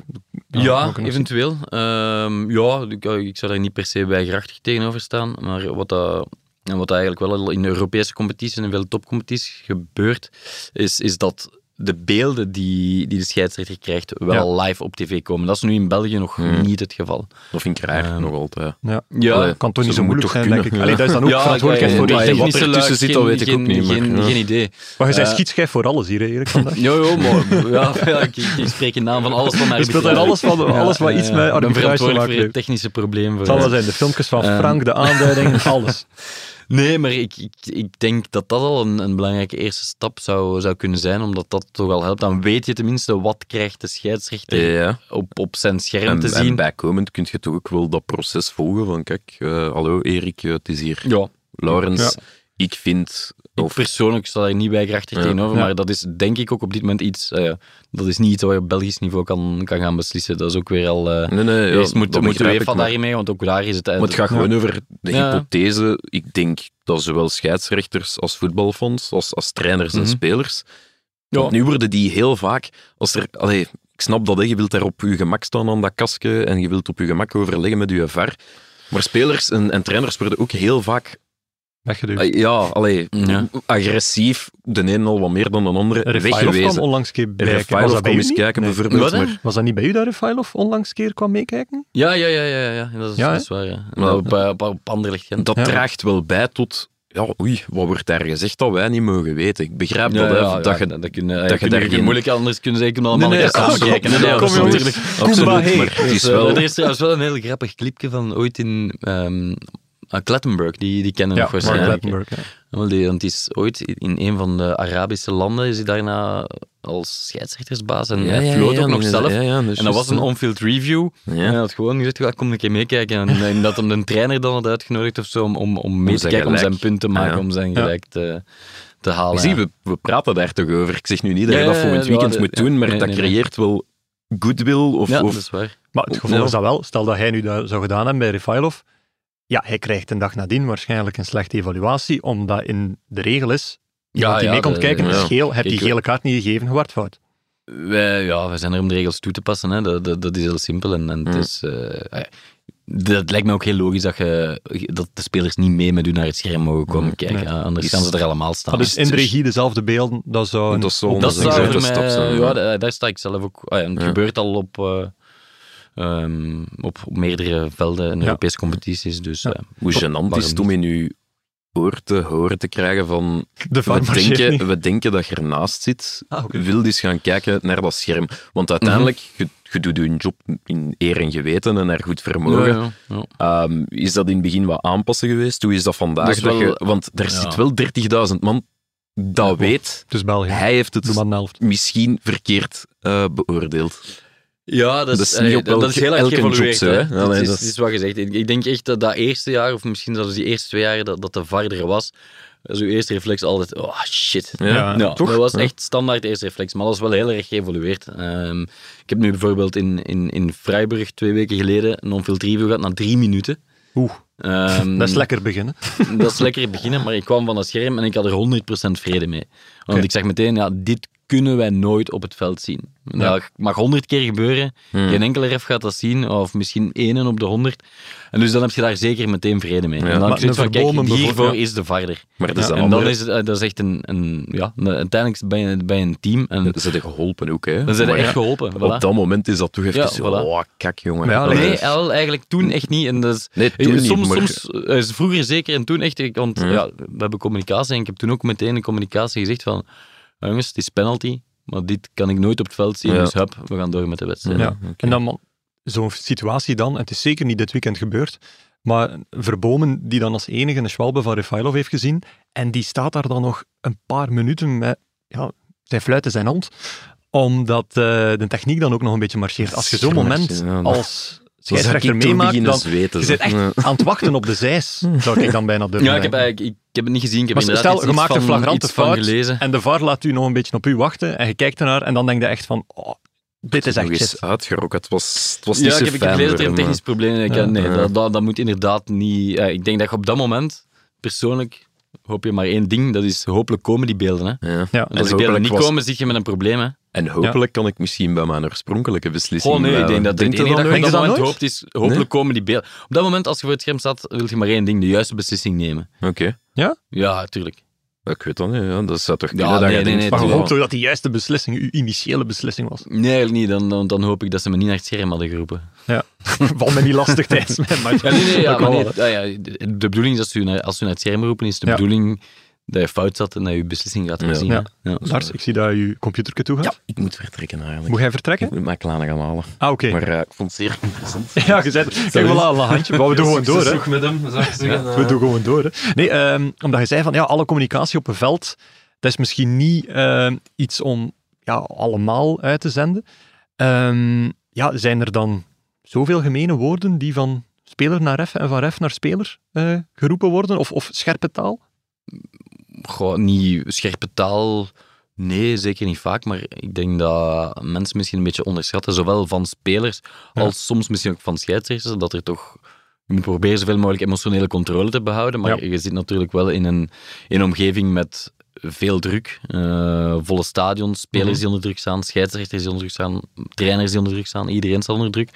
Ja, soms kan, eh, kan er wel eens iets geroepen worden. Ja. Eh, ik denk niet dat wij, en omgekeerd, meestal ook niet, de spelers ons niet en wij hun niet gaan, gaan zitten uitschelden. Ja. Ehm, maar er wordt al eens iets geroepen. Ja. Ja. En wie is zo'n speler die eigenlijk constant eigenlijk komt zagen, komt druk Oh, zetten, Ja, ik ga, ik, die daarin ik, gespecialiseerd is? ik, ik, ik ga hier nu geen namen noemen. Ik En denk, kunnen ik niemand denk dat je van op afstand ook wel, ook wel kunt, kunt, kunt inschatten. Hè. Iedereen gaat er anders mee om. Je hebt, je, hebt, je hebt ook spelers die, waarvan op een afstand lijkt dat die heel veel komen praten Mhm. en druk zetten. Maar ik heb met veel praten geen probleem, als het op een respectvolle en normale manier gebeurt. Eh, Je hebt ook andere spelers, en nou, nog eens, ik ga, ik ga zeker geen namen noemen. Je hebt ook andere Namen van spelers gestopte spelers, die, die, die, komen, kunnen ja, niet meer... Nee, ga ik ook niet doen. Maar ehm, die, die altijd maar komen protesteren. En wat hij daar ook tegen zegt, je merkt dat dat gewoon niet binnenkomt. Die zitten zo in een Ja. Kokon en in hun match. En misschien zijn die na de match helemaal anders. Ja. Maar die zijn op dat moment niet receptief wat je ook gaat zeggen. En Ja. dus, dus dat, dat kan heel hard. En ja, die spelers pak je dan ook anders aan als iemand waarvan je weet, ja, oké, die komt praten. Maar als ik daar normaal op ga antwoorden, gaat hij ook op een, eh, kan ik op een normale manier op dit moment een gesprek aangaan. En bij sommige anderen is dat moeilijker. Je hebt ooit eens zo'n momentje gehad met Vincent Company, hè, waar dat hem op ja, een minuut twee geel had gegeven in dezelfde fase. Op 20 seconden. Op 20 denk ik. seconden Ja. zelfs. Ja. Dat is ook een minuut, hè. Dus dat, Dat is ook een minuut. Ja. Eh, Ja. maar dat, dat hij echt duidelijk niet bij zinnen was. En dan is dat ook zo'n half relletje geweest. Of wordt er daar dan na de match nog eens op teruggekomen vanuit uw kamp of vanuit Company zijn kamp? Of? Ik heb hem toen na de match niet meer gezien, maar Nee. later op het seizoen zijn we elkaar tegengekomen. En is daar zeker, denk ik, van mijn kant zeker niet. En ik denk ook niet van zijn kant iets blijven hangen, want dat was eh, altijd op een heel correcte manier erin. Ja, en, en die feedback dan, is dat zo'n fase? Hoe, hoe verloopt dan een feedback op zo'n fase? Want als je dan bijvoorbeeld de maandag weer op het werk bij de semi-profs komt, eh, is dat iets waar, waar dat je dan meteen op aangesproken wordt? Waar dat je waar meteen uh, over deze wordt? specifieke fase, ja, er zal toen wel een beetje over, over gesproken worden, omdat het was, het was op basis van de beelden toen, eh, herinner ik me ook niet meteen duidelijk waarom twee keer geel. Ja. Eigenlijk was de eerste geel al omdat hem redelijk kwaad op de dugout sloeg. Ja. En dan daarna kwam hij nog ja, neus aan neus staan. En inderdaad was het nogal moeilijk om hem Ja. tot bedaren te brengen. En, en vandaar toen de tweede gele kaart. Ja. Zijn er spelers die je wel heel graag ziet komen, waarvan je zo denkt van, goh, dat is een leuk, daar kunnen mee babbelen en kunnen mee onderhandelen op een veld. Ja, net als ik, ik geen namen ga noemen, genoemd heb over moeilijke spelers, ga ik nu ook niet ehm, geen namen noemen. Dat kan alleen maar in mijn gezicht terugkomen. Als ik binnen twee weken dan met die speler en andere spelers op het veld Ja. staan, dan gaan ze zeggen van ja, kijk, je had, al, je had al verteld dat die speler dat je dat wel een toffe vindt. Dus ik kan er geen namen over noemen, maar zoals ik daar juist zei, je hebt gepassioneerde spelers, je spelers met wie dat je voor, tijdens en na de wedstrijd eh, op een normale manier Ja. kan praten. Je hebt spelers met wie je voor en na de wedstrijd misschien wel op een normale manier kan praten. Maar tijdens de wedstrijd ligt dat dan soms iets moeilijker. Ehm, de, je zegt van ja, die fase met Company, dat was echt zo van ja, bijna een sociale vaardigheid. Daar draait het helemaal niet meer Mhm. over de reglementering. Ehm, we hebben ook al even over Visser in eh, Kamp Nou gehad, Mhm. die eigenlijk toen dat er een, ehm, een eh, on-the-field review was, ja, hij was nog maar vertrokken uit het hoogte van zijn eigen strafschopgebied. Hij voelde dat er al twee Barça-spelers mee in zijn zog kwamen en hij draaide hem toen al om, nog voor eigenlijk de hoogte van de middenstip, te- met te zeggen, Holder blijft hier. En dan dacht ik van, oei, dit toont eerder stress dan, dan, dan echt kordaat zijn eh, eh, op. En dan vroeg ik me af, worden jullie daar dan in getraind? Omdat de stijl van scheidsrechter zijn is eigenlijk even belangrijk als de regels kennen. Ja, ja, tuurlijk. Ja, wel, dat, dat- dat is zeker een van de dingen waar dat nu met ons huidig management meer aandacht aan besteed wordt. Ook van, ik heb de rest al even gezegd, om ja, uw emoties onder controle te houden. Dus emotionele controle. En ook inderdaad Ja. om aandacht te besteden aan, aan uw body language. hè, en en Ja. de, manier, eh, de manier waarop je met een aantal dingen omgaat. Ja, ja daar wordt zeker aandacht aan besteed. En, en hoe is dat dan? Is dat dan zo... eh, Eigenlijk is dat vooral vanuit, vanuit uw eigen wedstrijd. Hè? En, want elke wedstrijd... eh, hoe kunnen dat coachen? Is dat, is Ja, we dat zo... dat coachen. Gewoon power poses en dergelijke? Ja, nee. Ja, vooral enerzijds op, op basis van beelden uit je eigen wedstrijd. Maar ja, kijk, Ja. daar...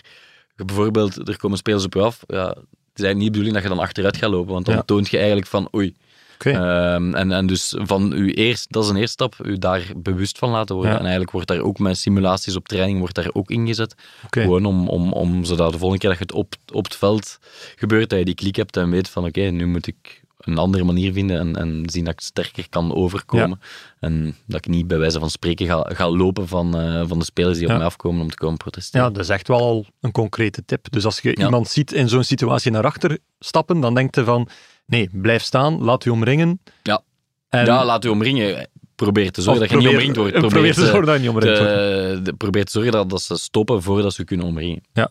Want eh, ja, de mensen denken altijd, een arbiter die, die geeft graag kaarten. Of, eh, die is daar om kaarten uit te delen. Maar ik denk dat nou, toch, eh, de overgrote meerderheid van de scheidsrechter liever een kaart voorkomt dan ze Ja. daadwerkelijk te geven. En dat is ook zoiets als je door sterk body language kunt voorkomen dat ze tot bij u komen, dan kun je ze op zak houden. Maar als ze met tien rond u staan, ja, dan zijn de, de, de, de richtlijnen ook weer Ja. duidelijk. Dan, ja, dat is iets wat, dan niet, wat je niet kan aanvaarden en dan moet je wel overgaan tot geven van een kaart. Ja.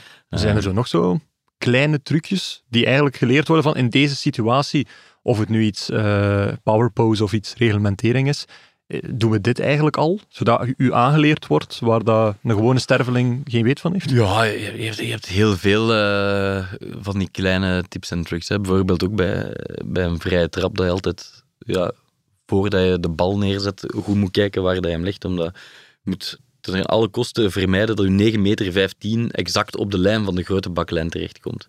Oké. Waarom? Omdat je dan voor een... Als er dan hens is- Als er dan hens is, zit je met een quasi onmogelijke beslissing. Ja.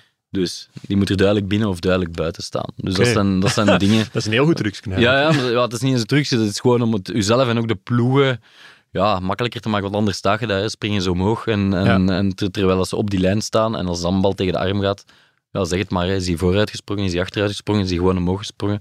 En dan zit je met zo'n moeilijke beslissing, terwijl ze er duidelijk binnen of duidelijk buiten staan.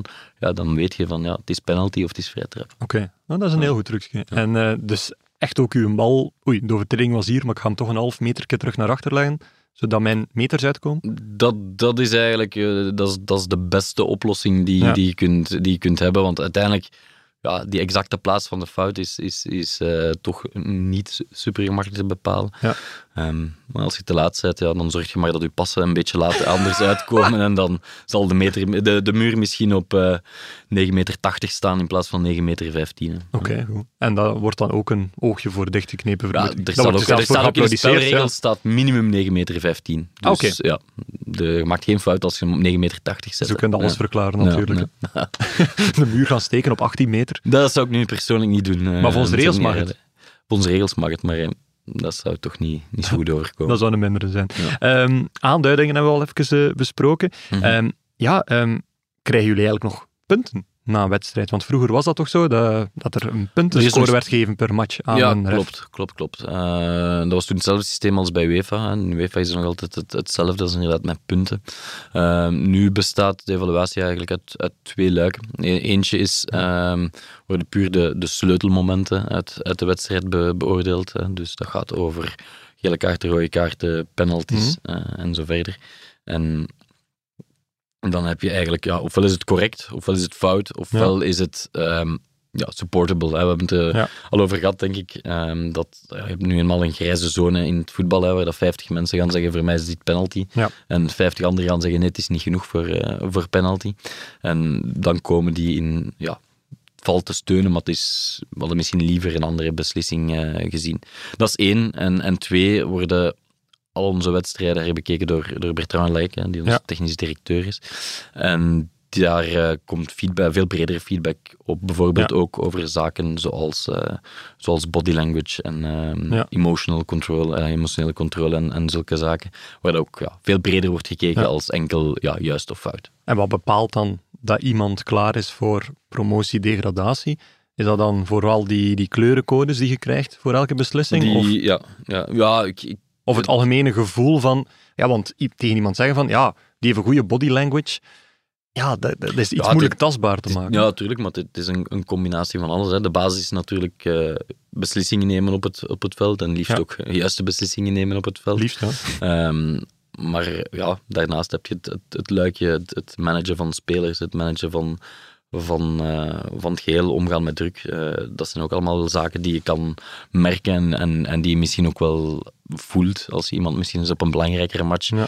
zet. Ja, kan die al om met die druk, ja of nee? Dus ik denk dat het uh, heel veel factoren zijn. Ik denk dat dat ook niet altijd even gemakkelijk is om, om in te schatten. Hè. Het gaat niet puur om juiste foute beslissingen, het gaat om, om meer dan dat. Nee, ja, inderdaad. Um, ja, oké. Okay. Ik stel voor dat we dan overgaan naar een volgend iets. Beste reizigers, spoorverandering. De trein... Oh my, mijn auto! Als zij spelen, speel jij. Bet live op ladbrokes.be. Gok met maten. Erik, misschien iets luchtigs tussendoor. Ja. Um, na al die scherpe vragen die volgesteld hebben. Um, uh, heb je bepaalde rituelen voor een wedstrijd? Nee, eigenlijk, eigenlijk niet. Um, ik, heb, ik heb geen ritueel. Ik weet dat er collega's zijn die dat wel hebben. Ik heb uh, één, één dingetje, dat is op, in elke kleedkamer Hm. in, uh, in de Jupiler Pro League heb ik mijn vaste stekje. Ah, oké. Dus ik altijd op dezelfde plaats Totaal niet autistisch is dat. Totaal. Ja, misschien. Ja, ik, ik, ik, heb, ik heb buiten de arbitrage misschien nog een aantal van die kleine autistische trekjes. En dat is er dan misschien eentje van. Ja, Ja. ja. altijd op dezelfde plaats gaan zitten in de kleedkamer. En is dat dan altijd rechts achteraan in een kleedkamer? Of nee, nee, specifiek per van kleedkamer? tot kleedkamer. Dus waarschijnlijk gewoon waar ik de eerste keer dat ik daar eh, geweest ben om te fluiten ben gaan zitten. En vanaf dan is dat mijn plekje. Ja. Maar nu, like, Serain is een nieuwe. Hoe bepaalt je dan je plekje? Ik ben nog niet op Serijn Ah, geweest. Hoe ga je je plekje bepalen op Serain? Ja, dat zal ik zien als ik daartoe kom. Eh, dat is eigenlijk gewoon binnenkomen en dan zet ik me ergens neer en dan is dat mijn plekje. Het is niet dat daar een, eh, een, Ja. een zware... ja, dat ik daar zwaar over nadenk. Dan ga ik daar eens zitten en als ik dan terugkom, zal ik terug daar gaan zitten. Ja. Ja. Maar dus niets van rituelen? In, al, altijd in dezelfde zone opwarmen verder nog? Ja, of, of, maar die, eh, die zone is... Ik doe altijd eerst een rechtersok aan. eh. Nee, dat niet. Ja, de opwarming is, is wel hetzelfde, maar dat is, ja, dat is niet een ritueel. Ja. Dat is ook gewoon omdat dat een opwarming is die, die voor mij werkt. En de zone waarin dat we op moeten warmen is in principe ook wel Ja. gedefinieerd. Ehm, dus dat is gewoon omdat dat ja, voor mij een goede opwarming is. En Ja. dat, ik- dat, ik- dat ik met die opwarming altijd wel het gevoel heb van ja, klaar te zijn voor de wedstrijd en, en voldoende opgewarmd te zijn. Dus dat heeft niet echt iets al met het, het ritueel, of dat is niet een bepaald Nee. ritueel. nee. En de kleedkamers zijn er, eh, ik vermoed dat er daar ook wel mooiere en minder mooie zijn. Zijn er echt zo nog accommodaties waar dat een ref in een veredeld bezemhok gestoken wordt? Of Nee, is dat nee, voorbij? Nee, nee. Nee, dat is denk ik wel voorbij. Nu, uiteraard in, in de, bijvoorbeeld oh, de Gelamco Arena of, of, of op Antwerpen, in, wel in in orde moderne zijn, hè. stadions zijn de kleedkamers natuurlijk ook Ja. eh, modern, maar ook in, ik denk zelfs in de meeste van de stadions die al wel langer meegaan, ehm, dat de meeste van die kleedkamers al ook wel eens eh, gerenoveerd zijn geweest. Dus Ja. ik denk niet dat we daar echt over eh, zouden kunnen klagen. Ja. Heb je ook in je voorbereiding op een wedstrijd vaste rituelen? Dat je bijvoorbeeld, ja, de namen van de spelers leren lijkt mij nu een basis, maar Mhm. hun geprefereerde voet of, ehm, of iets anders waarvan Ja, je weet de- van, als die een tegen zijn voet naar binnen komt, extra opletten, want dat is een potentieel tacklegevaar. Ja, tuurlijk. Zijn- dat zijn wel, wel dingen. Je kijkt natuurlijk Dat wel leert je altijd van buiten. wel wat wedstrijden. Hè. Je, je- ondertussen ja, je komt veel ploegen toch, toch wel vaak tegen. Hè. Dus je Ja. kent toch ook al veel spelers. En dus je weet, ja, je weet dat al wel. Je deelt dat met, met je team. En, en je kunt daar zelf inderdaad op, op anticiperen. Hè. Je weet ook inderdaad, zoals je zegt, je hebt die kleine, snelle, Hmm. vinnige spelers. Dan weet je ook dat het, het, eh, ja, dat het gevaarlijk wordt vanaf het moment dat die naar binnen snijden richting het strafschopgebied. Dat je dan beslissingen kunt gaan hebben. Net Ja. binnen, net buiten het strafschopgebied. Fout, geen fout. Dus eh, dat zijn dingen waar je op anticipeert. En die, ja, als je ziet dat die fase er zit aan te komen, dat je daar mentaal wel al op voorbereidt. hè. Ja. En is dat dan, wordt wat kleiner, gaat wat scherper op die een bal kijken. Ja, ja, ja, ik denk dat... dat eh, maar sowieso, hè, als, als, als de bal in de zone van de waarheid komt, Ja. Gaat de focus misschien altijd nog wel net iets omhoog. Hè, omdat je weet, ja, nu kan er van alles gaan gebeuren. Hè. Als je op goal gaat trappen, mogelijk handspel. Ja. Als hij naar binnen snijdt, mogelijk gevaar voor tackle, penalty of niet. Dus ehm, ja, uiteraard. En, en ook zelfs in de communicatie anticiperen we daar Je hebt al, elkaar echt al op- vaak oppassen, ja, boys, of zo. op- ja, zo'n dingen. Maar bijvoorbeeld ook als, als er een speler met de bal aan de voet en, en dan zeg je bijvoorbeeld ja, in de oortjes, ja, dat is nu Ja. vakjargon, zal ik zeggen, spa of doxo. Dus beloftevolle aanval of ja, Spa Eh, of doxo? doxo. Denial of a goal scoring opportunity. Eh, en jij verwacht dat de mensen het reglement beter gaan kennen met doxo als term. Nee, nee, daarmee, dat is goed. Dat is, dat is de Dat is interne vak, communicatie, wat dat wij gebruiken op het veld. Dus, maar het uh, doxo wil zeggen, het ontnemen van scoringskans. Dus eigenlijk als iemand alleen richting doel aan het gaan is, kun je dat al zeggen. Dan weet je ook Dus van, jij aan het als die nu gepakt wordt, Is het dan is het gewoon rood. Dan zijn je al mentaal klaar om die beslissing te, te nemen. Dus dat moest de communicatie moest die opgenomen zijn, dan zouden we horen een sprintende, een hijgende Erik Lambrechtje die roept doxo, doxo, doxo. Of de assistent die dat zegt, of eventueel de vierde official zelf. Oké, Ja. ja. En ik vermoed dat dat zo gewoonte geworden is, maar is dat niet super storend in het begin als je voor de eerste keer dat doet? Want dan krijg je nog extra prikkels terwijl je ja, misschien gewoon wilt concentreren. Ja, ik denk dat dat ook wel, er wordt veel meer gesproken, ook met de spelers, maar ook intern wordt er wel veel meer gesproken, want ja, dingen worden nu eenmaal ook meer teamwork. Hè. Ook, we hebben het er over Ja. buitenspel gehad, wat toch een, ja, Belangrijk eh, iets. een belangrijk iets is en, en niet altijd een even gemakkelijke Ja. materie is. Dus daar ook als scheidsrechter, als voor ons bewust gespeeld wordt door een verdediger, zeggen we bijvoorbeeld ook al, eh, dat kan variëren van scheidsrechter tot scheidsrechter, maar dan zeg ik bijvoorbeeld defense, dan weet een assistent al van oké, komt bewust van een verdediger, dus het kan geen buitenspel zijn. Dat hij daar niet met zijn vlag omhoog gaat staan. Dus ja, de, de communicatiesysteem zorgt ervoor dat, dat op veel vakken al kunnen gaan anticiperen en elkaar Ja. kunnen, kunnen helpen. Ja. Zijn er nog zo wat van dat lingo dat jullie constant Ja, dat is, gebruiken? maar het, is, het is geen lingo, het is gewoon omdat je efficiënt moet communiceren tijdens een wedstrijd. Ja. Je kan geen ganse uitleg doen, het moet gewoon snel Ja. en efficiënt zijn. Dus dat zijn eh, ja, gewoon ke- kernwoorden waar, dat je, waar dat je mee... Kijk, penalty, mee- heeft dat dan een kortere versie? Of nee, niet? dat is ook gewoon een woord. Dat is Dat is gewoon gewoon wat is penalty. Ja. penalty, penalty, penalty. Maar altijd nooit strafschop. Nee, penalty. Nee, penalty, dat, is- Ja. dat, dat Ja, dat, dat, dat, bekt iets gemakkelijker, Ja. denk ik. Of dat is gemakkelijker om... eh, Dus doxo, penalty, wissel, wissel, dat is ook zoiets waarschijnlijk dat constant passeert. ja, als er gewisseld moet worden. Ja, ja liefst. ja, nee, ja, dat passeert ook wel. Ja. Oké. Ehm, de, over rituelen, eh, de Bram van Driessen zei, toen dat hij hier was, ja, ik kreeg altijd van mijn eh, Mhm. vrouw, of toenmalige verloofde vriendin nog, eh, een briefje mee, de sportzak. Eh, jij ook? Niet van zijn vrouw, briefje, van. Wel altijd een, een, een, een kort berichtje gewoon wel, voor de wedstrijd. Ja, ja. dat wel, dat wel, dat wel. Maar nee, geen, geen briefje. Nee. Nee. nee. Hij was eh, successchat, dat staat er aan te lezen. eigenlijk. Iets in, ja, gewoon kort iets in die aard. Dat zal Ja. niet elke week exact hetzelfde bericht zijn, maar Stel nu dat het er niet is voor een wedstrijd, kunnen we er dan aan beginnen überhaupt? Of eh, gaat dat in dat is al wel eens gebeurd en dat, eh, ik denk dat die wedstrijd, dat er toen geen noemenswaardige zaken fout gelopen zijn. Dus ik denk eh, dat dat niet, geen grote impact heeft op mij als dat er niet is. Maar ik vind het wel aangenamer als het er wel is. Het is ook gezegd van ja, al sinds mijn studententijd drie wedstrijden op een weekend. Dat is er niet op verbeterd qua drukte nu. Mm, gezin, ja. twee kindjes. Ehm, begint dat ook niet te wegen ondertussen? Ja, dat weegt zeker. Nu, drie, drie wedstrijden op een weekend hebben we gelukkig ehm, niet meer. Maar wel nu sinds... eh, vroeger, het is heel lang één geweest. Hè. De, die Ja. drie wedstrijden op een weekend, dat was wel echt enkel Hm. nog als, als ik Maar bij... ik sprak eigenlijk echt over de, de jeugd toen nog. Maar je ook even als, als 1A-prof eh, drie wedstrijden moeten Nee, nee, drie wedstrijden. Ja, toch nooit, wel, wel één keer, maar dat was zeer, zeer uitzonderlijk. Maar het is eigenlijk sinds de invoering van, van de VAR... ehm, ja, het totaal aantal scheidsrechters is er... eh, eh, in betaald Mhm. voetbal bedoel ik dan, hè, is er niet, niet, nog niet zwaar gestegen. Er komen wel Ja. regelmatig jongens, jongens bij, maar er stoppen er ook Mhm. eh, uiteraard. En dat heeft ervoor gezorgd dat, dat ja, je moet opeens twee extra posities invullen, hè, die van VAR en die van AVAR. En dus ja, dat zorgt ervoor dat, dat er regelmatig wel dubbele aanduidingen zijn. Ja. En vaak is dat VAR-VAR, maar het kan ook gebeuren dat je in het weekend fluit en VAR bent, of Ja. fluit en vierde official, of vierde official en VAR. Dus alle ah, fluiten en fluiten, dat is uiteraard, eh, je hebt altijd maximaal Hm. één wedstrijd op een weekend eh, arbitreren, want ja, het is wel echt eh, een fysieke inspanning. Ik denk niet dat, dat het... eh, ja, raadzaam zou zijn om twee wedstrijden te fluiten. Maar voor de rest ja, is dat inderdaad wel iets wat, om tot de vraag terug te komen. Ja. Want ja, je komt dan eigenlijk thuis en ze zeggen van, schat, we hebben hier iets nieuws ingevoerd. Ik ga nu in plaats van één dag in het weekend, twee dagen in het weekend moeten werken. Dat is toch redelijk ingrijpend. Ja, maar het is zeker niet, niet elk weekend zo. Hè, maar, maar ook zeker met, met de internationale wedstrijden erbij en dan het feit dat ik ook dan nog werk voor Voetbal Vlaanderen Ja. daarnaast, is het eh, niet evident. Nee, dat ja, moet ik niet onder stoelen of banken steken. We zitten ook met, met twee kleine kindjes thuis van, van één en vier.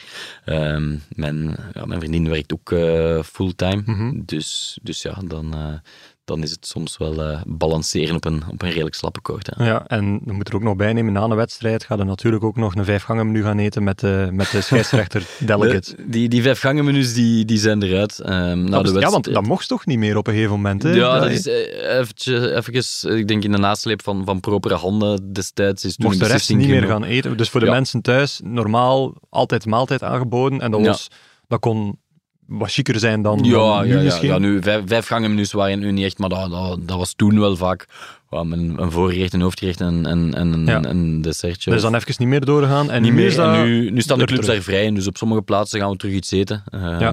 Maar wel minder uitgebreid ook als, als, als toen soms het geval was. En op sommige clubs krijg je gewoon na de wedstrijd nog eh, Ja. een, een lunchpakketje met, met wat broodjes of met een Ja. pasta salade of zoiets. Dus dat varieert eh, op dit moment van, van club tot club. Ja, eh, onlangs nog eens bij Oostende moeten gaan eten. Allee, gaan fluiten en dan eten. Ehm, ik ben er dit, vorig seizoen, eind vorig seizoen nog wel. Dit seizoen ben ik nog niet op Oostende geweest. nee, hij werd niet een van de slachtoffers die geen warme pasta kreeg van Torsten Thijs, maar wakke broodje. Eddie, de regels zeggen dat je lichte maaltijd moet voorzien, maar geen pasta. Hebben we nog sandwichen, dat we hun sandwich met butter kunnen geven? Maar zijn broodjes of is het pasta? Nee, we geven geen pasta. Ze krijgen dus geen forte pasta. Voilà, maar wel die pasta opvreten. Heel goed, oké, oké. Joey, dank Eddie. So Tony, they don't get pasta. We are not obliged to give the pasta. No fucking pasta. We will eat the fucking pasta ourselves.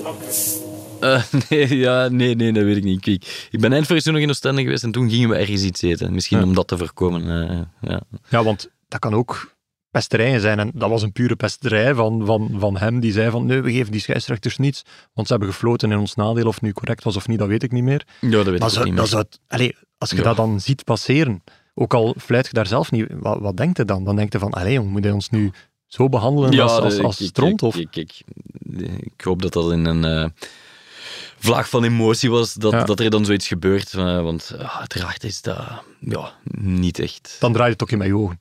Ja, daar, En meer misschien. Ja. ik weet niet meer hoe dat je toen op gereageerd hebt, maar dat is niet, Wat, niet, wat werd er dan in de WhatsApp-groep? proper. Wat werd er dan in de WhatsApp-groep gestuurd?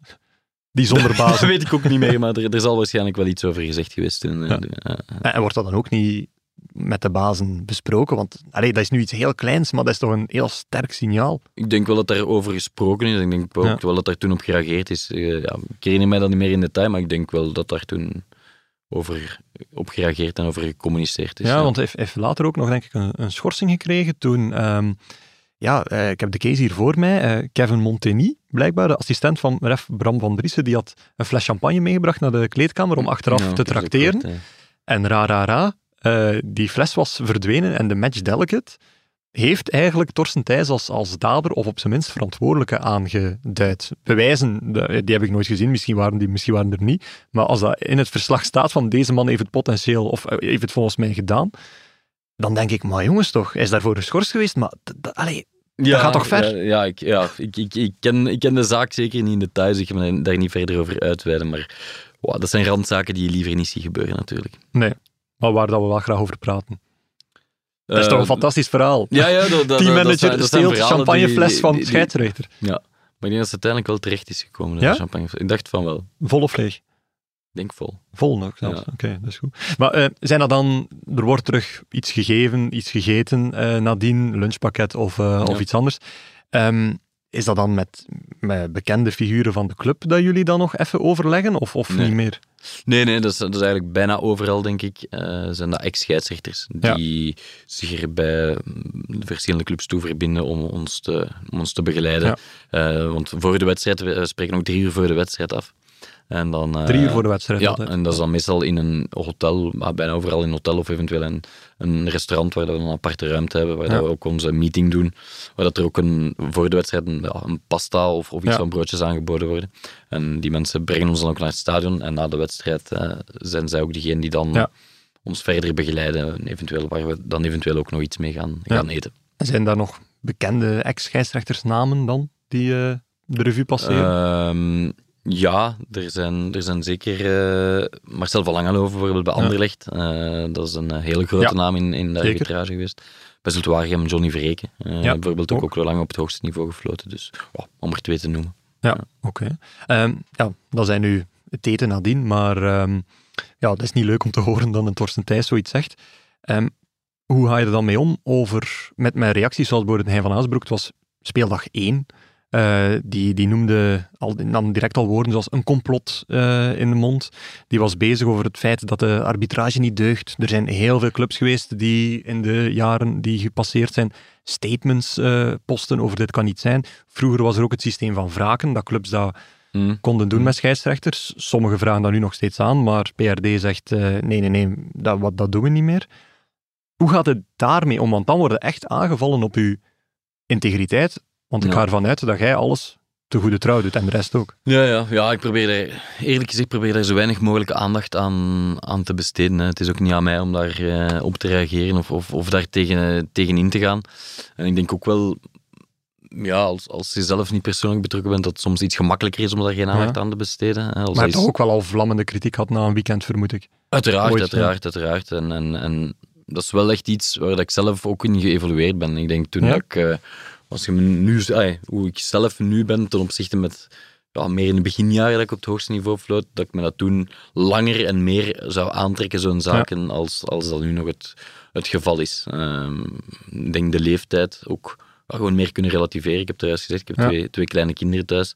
Ehm, je hebt misschien ook eh, kinderen. Ik denk dat, dat je Ik wel heb- kunt beamen dat ik, je ik dan... word niet elke maandag afgebrand. Nee, nee, nee, maar over andere zaken ook. Ik denk toch dat je zaken dan misschien een beetje meer kunt gaan eh, relativeren. En ik denk dat dat er bij mij wel toe heeft bijgedragen. Ja. En dat als scheidsrechter in ook- totaliteit. Als, als iemand zegt van, ja, het zijn allemaal smeerlappen, eh, het, is, het is allemaal niet kosher.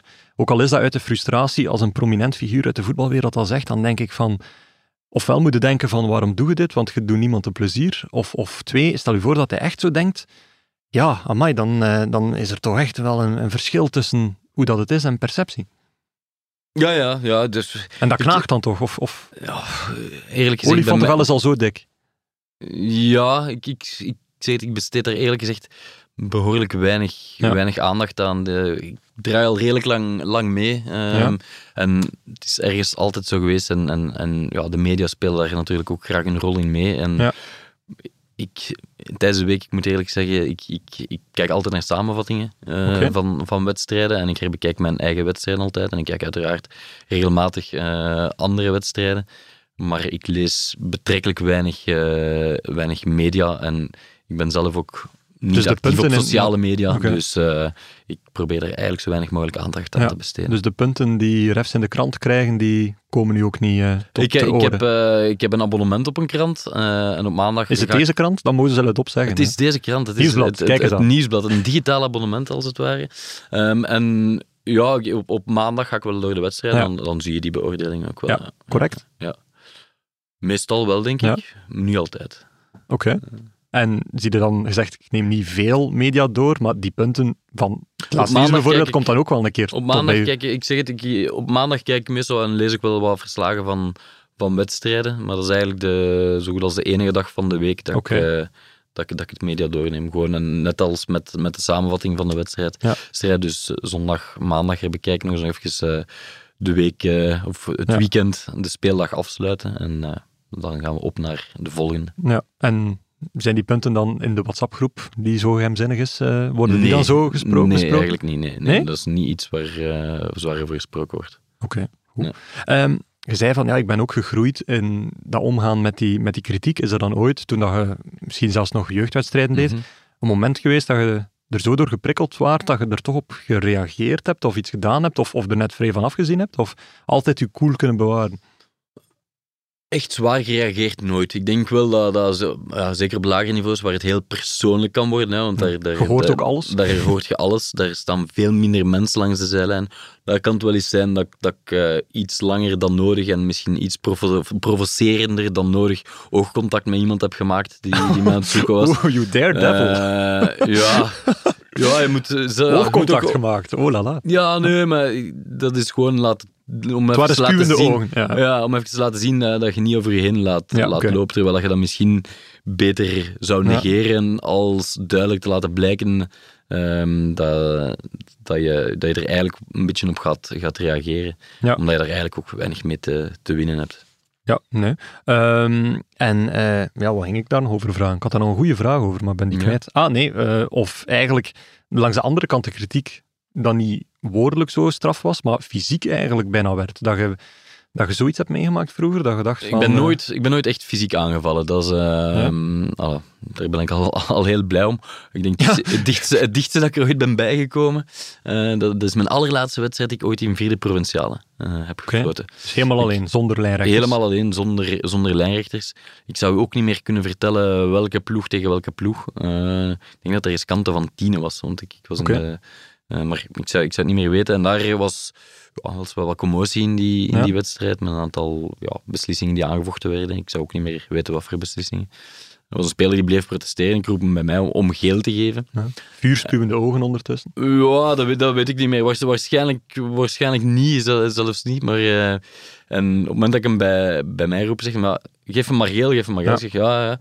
En dan zegt die, die speler, als je me nu geel geeft, dan sla ik op uw bakkes. Ja.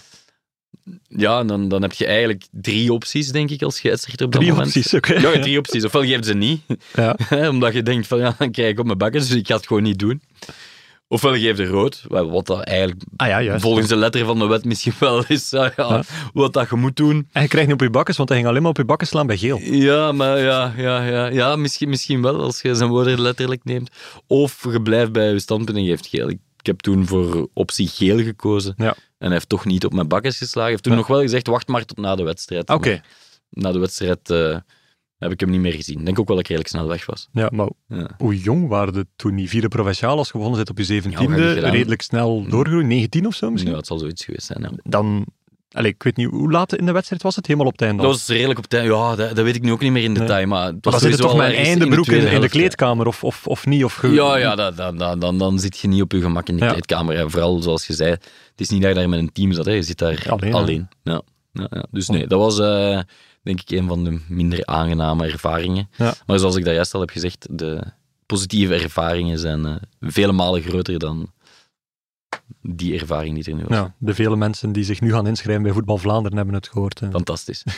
Ehm, eh, iets wat ook vaak bij, bij mensen eh, naar boven kwam die naar ons luisteren, is ehm, term integriteit. We hebben het al een paar keer eh, aangekaart. En vooral ook zo, ehm, wat fans moeilijk begrijpen, is dat je schijnbaar gelijke overtredingen voor elke ploeg, dat die toch anders benaderd kunnen worden. Bijvoorbeeld, stel er is fout A in de eerste minuut, Mhm. is de perceptie dat dat een andere ehm, ja, straf krijgt dan dezelfde fout in minuut 68, wanneer het precies al meer gepermitteerd is om direct een kaart te geven. Dus ik weet niet, is er effectief een tip of een raad of een, of een idee dat gegeven wordt van refs, hou gewoon jullie kaarten zo lang mogelijk op zak, ook al zouden jullie voor deze fase later op een match sowieso geel geven. Nee, een fase die sowieso geel is, is, is sowieso geel. Als het echt gaat over een, een roekeloze fout, Ja. zoals zeggen, bijvoorbeeld iemand die met de stuts op de voet gaat staan, of het dat nu de eerste minuut is of 89 Ja. minuut is, dat is gewoon geel, punt. Maar er zijn wel een aantal zaken. Je kan natuurlijk ook, en dat staat ook letterlijk in de spelregels, eh, een ploeg of een speler geel geven omdat ze herhaaldelijk fouten maken. Of, Ja, of meerdere maar ook als ploeg, ook al is dat, dat, Dat kan, kan vier keer speler A zijn en de vijfde keer is speler B en kan. speler B krijgt hem dan. Dat kan. Ja. Dat, eh, dat kan. Eh, en je hebt ook, ook fases eh, ja, die, die misschien op het randje zijn. Van, Ja. Is dit net wel of net niet afbreken van een beloftevolle aanval? En het is Mhm. net in die randgevallen dat je inderdaad misschien wel eens kan hebben. Dat je zegt van, ja, oké, na vijf minuten hou ik het nog, ga ik het nog managen. Roep ik de speler bij mij en Ja. trek duidelijk de lijn. Maar als je dan ja, op de 75ste minuut zit en er zijn al meerdere kaarten geweest in, in de wedstrijd, ja, dan heb je die optie eigenlijk niet meer. Of is Ja. het moeilijker om die optie nog te benutten. Dus op dat vlak kan het wel. Maar de fase waar dat er echt geel voor moet getrokken worden, Ja. mag, of mag of kan het in principe niet uitmaken of het nu de eerste of de, of de 90ste minuut is. Ja. Is dat dan eigenlijk geen regel die, die weg moet, die opeenvolging van de fouten? Omdat dat zorgt voor zoveel onbegrip, heb ik Nee, precies ik het denk dat niet. An- an- Anders, anders gaat je gewoon spelers hebben die, die hele major kleine foutjes blijven maken. En dat kan ook niet de bedoeling zijn. Ja. Ja, inderdaad. Maar nu blijft het zo in dat, in dat grijs gebied. maar en, en soms zullen mensen zeggen van, ja, kijk, eh, toen wel en toen niet. Maar soms is het ook gewoon omdat Ja. de ref het toen wel goed gezien heeft en toen niet. Dus Ja. dat, dat, dat is ook een factor die meespeelt. Hè. Iets wat je na, na drie herhalingen Hm. op beeld perfect gezien hebt. Ja, het is niet daarom dat je het op het veld eh, meteen gezien hebt. Hè. En, en de VAR komt al intussen voor rode kaarten. Dus uiteraard worden er op het veld... Ik heb er zelf begin dit seizoen eh, eentje, eentje gehad, eh, dat ik nog weet, in mijn eerste wedstrijd van het seizoen. Hm. Mechelen-Antwerp, ja, glasheldere gele kaart en ik geef ze niet. Eh, Ja. En het was ook redelijk in het begin van de wedstrijd, maar dat maakte op dat moment niet uit. Het was gewoon niet goed ingeschat. Ik dacht van, wauw, het is misschien nog niet genoeg. Maar toen ik de beelden na de match zag, wist ik ook wel van, ja, kijk, dit moet gewoon altijd En dan zijn. komt de VAR niet tussen natuurlijk. en dan komt bij de VAR niet tussen en dan is er een gele kaart gemist. En dat is wat het is. Hè. Moet de VAR uitgebreid worden? Nou, bijvoorbeeld gele kaarten, ander soort type fases, buiten, Ja, eh ik buiten denk dat niet, want dat, dat- op dit moment denk ik dat, dat, dat, dat, dat, dat het eigenlijk belangrijk is om ze vooral voor die sleutelmomenten te, Ja. te behouden. Hè. Maar Eh, een, een corner die foutief gegeven wordt bijvoorbeeld, kan ook leiden tot een goal. Ja, klopt. klopt hè. Dus eh, het is nog niet waterdicht, zal ik zeggen. Ja. Of het, lost, het kan nog niet alles oplossen. Ehm, het is uiteraard niet aan mij om dat te beslissen. Misschien zijn er een aantal zaken... Maar kunt u mening geven over, ik Ja, vind dat dat meer moet of minder? Misschien, misschien kan het wel naar de toekomst toe. Ehm, maar Tot wat En- dan? Tot, tot gele kaarten erbij? Of? Nee, gele kaart, want dan, dan denk ik dat heel veel gaat stilliggen. Hè? Want uiteindelijk voor Ja. gele kaart, dan zou het willen zeggen dat je elke keer ook nog eens naar het scherm moet gaan. Als je voor dan ook elk voor, dan, ja. Ehm, voor factuele dingen, misschien zoals je zegt, iets wat duidelijk geen corner is, dat kan eigenlijk heel snel opgelost Ja. worden.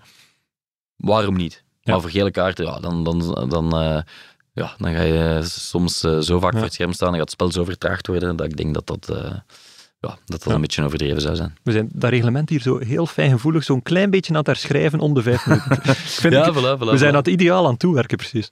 Ja, maar weet je, ehm, dan gaan we denken dat we naar het ideale toegewerkt En dan hebben. werken we het uit en dan werken we dan, gaat het toch terug, eh, terug, eh, terug miserie zijn. Nee, nu ook met, toen de VAR, eh, ik heb daar net denk ik al gezegd, iedereen dacht van de VAR het is de oplossing, alles gaat vanaf nu juist zijn, maar zolang je zit met, met ja, een, veel interpretatie zit in je reglement, hè, wat dat zo is bij voetbal, Ja. ja, blijft, er, blijft er ruimte voor discussie en zal er altijd discussie zijn. Ehm, zijn er dan ook zo regeltjes die gekomen zijn waarvan hij dacht van, goh, op voorhand al, oh, deze moeten we niet doen, mannen, of van, van IFAP dan, want deze gaat echt niet werken en dan ga enkel maar miserie hebben.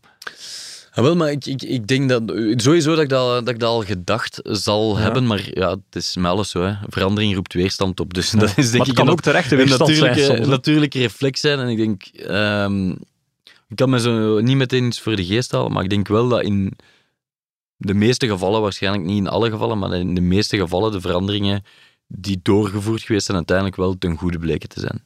Dat denk ik wel. Wat is een van de beste aanpassingen aan het reglement van de laatste tien jaar bijvoorbeeld? Waarvan laat- jij denkt van, wow, Van de laatste dit was jaar- baanbrekend goed. Ja, de, ik, denk ik weet niet of dat, ik denk dat dat de langer dan tien jaar is, maar ik denk dat het belangrijkste zijn eh ja, positiebuitenspel afschaffen, wat dat lang geleden zo was, en terugspeelbal. Uh, want anders Ah, ja. kunnen we gewoon doodleuk naar naar keeper. Dat is, is uiteraard al langer dan tien Ja. jaar geleden, maar ik denk dat dat toch ja, een beetje Maar dat is voor, meer voor het zijn. voetbalspel. Wat, wat is een goede regel voor jullie geweest om het te leiden? Like, we hebben ook een moment gehad bij het spel, wat was dat zo, ehm, dat er, als je niet op anderhalve meter van die man stond, eh, als die in de baan van de bal was of zo, iets, iets heel gek, dat er een soort afstand tot de, de laatste man bij buitenspel geïntegreerd werd in een buitenspelsituatie. Ik weet het zelfs niet meer exact, ja, want ik, het was weet, zo ik weet complex. ook niet wat dat kan zeggen. zet, Dus, Nee. nee, dat, dat weet ik niet. Ehm, nee, ik ben even aan het, aan het nadenken, maar ik, ik kan niet meteen op iets komen dat ik zeg van ja, dat is sowieso voor, voor mij iets geweest dat, ah, ik denk voor mij, dat, de, de grootste verandering is natuurlijk de invoering van, van de Van hè. videoscheidsrechter. En, en ik denk, en ik denk dat, dat al mijn collega's dat zullen beamen, ondanks het feit Hmm. dat er nog veel over gesproken en gediscussieerd wordt, ben ik er wel van overtuigd dat het een stap vooruit is. En dat de, echte, de echte grote fouten zijn er gewoon uit. Hè. Ik, ik, ik herinner me dat ik, in het begin deed ik ook eh, wedstrijden. Eh, Ik heb, ik heb eigenlijk jarenlang zonder VAR ge- gefloten op het hoogste niveau in België. En ja, dan dat gevoel van echt iets zo duidelijks gemist te hebben, een duidelijke penalty, een duidelijke rode kaart, ehm, of, of een penalty geven die er nooit een was. Ja. Dat was zo kloten, dat gevoel achteraf, Ja. echt. Eh, en ik ben heel blij dat we daar vanaf zijn. Hoe lijkt het dan dat de VAR in België lijkt altijd zo een klein beetje achter te lopen op wat het kan zijn, is mijn gevoel. Zijnde van, dan is er technisch iets in niet in orde, er is geen verbinding mogelijk in Eupen. Dan eh, komt de communicatie niet door naar de, naar de hoofdscheidsrechter. Dan duurt het heel lang, terwijl het al vaak gezien, is, eh, gezien door anderen geweest is. In de Champions League en 2K experimenteren ze nu met zo'n 3D-lijn. Ja, wij zaten tot vorig jaar nog te, te sukkelen met die loodrechte lijn, die we dan op die gecalibreerde buitenspellijn handmatig moesten trekken, waarvan je denkt van, Ja. Wa- waarom krijgen wij precies die, ja, die, de, de versie van de Aldi? Ik Geen denk dat steen de aan de Aldi, maar... de technologie bij UEFA iets hoger liggen. Ja, ik weet Als, het. als, dus, dus daar hebt u antwoord. Ja. ik denk dat dat een belangrijk maar moet je dan onderdeel met ervan zo'n is. afkooksel Dat is een deel van het antwoord. Een tweede belangrijk deel van het antwoord is gewoon, jij zegt in België, maar dat is omdat jij elke week naar alle matchen in België kijkt. Ik denk als je kijken naar, naar andere landen, ik ben ook bij internationale wedstrijden al geconfronteerd met technische problemen, dus het Ja, is echt maar- niet eigen aan België. Het is Ja. echt niet eigen, nee, maar dat is, dat is echt omdat... Waarom aan al die competities dan? Want het argument is, waarom bij die andere competities dan? Want het argument om te zeggen, bij anderen is het ook slecht, dat maakt het niet beter bij, bij ons. Nee, nee, maar, maar ja, ik, als, je opzichte spreekt, van, als je spreekt over het technische luik, ah, ik kan me daar ook niet over uitlaten. Ik ben zelf geen techneut, Ja. ik heb geen idee wat er allemaal bij komt kijken en waarom er eh, af en toe eens technische Mhm. problemen zijn.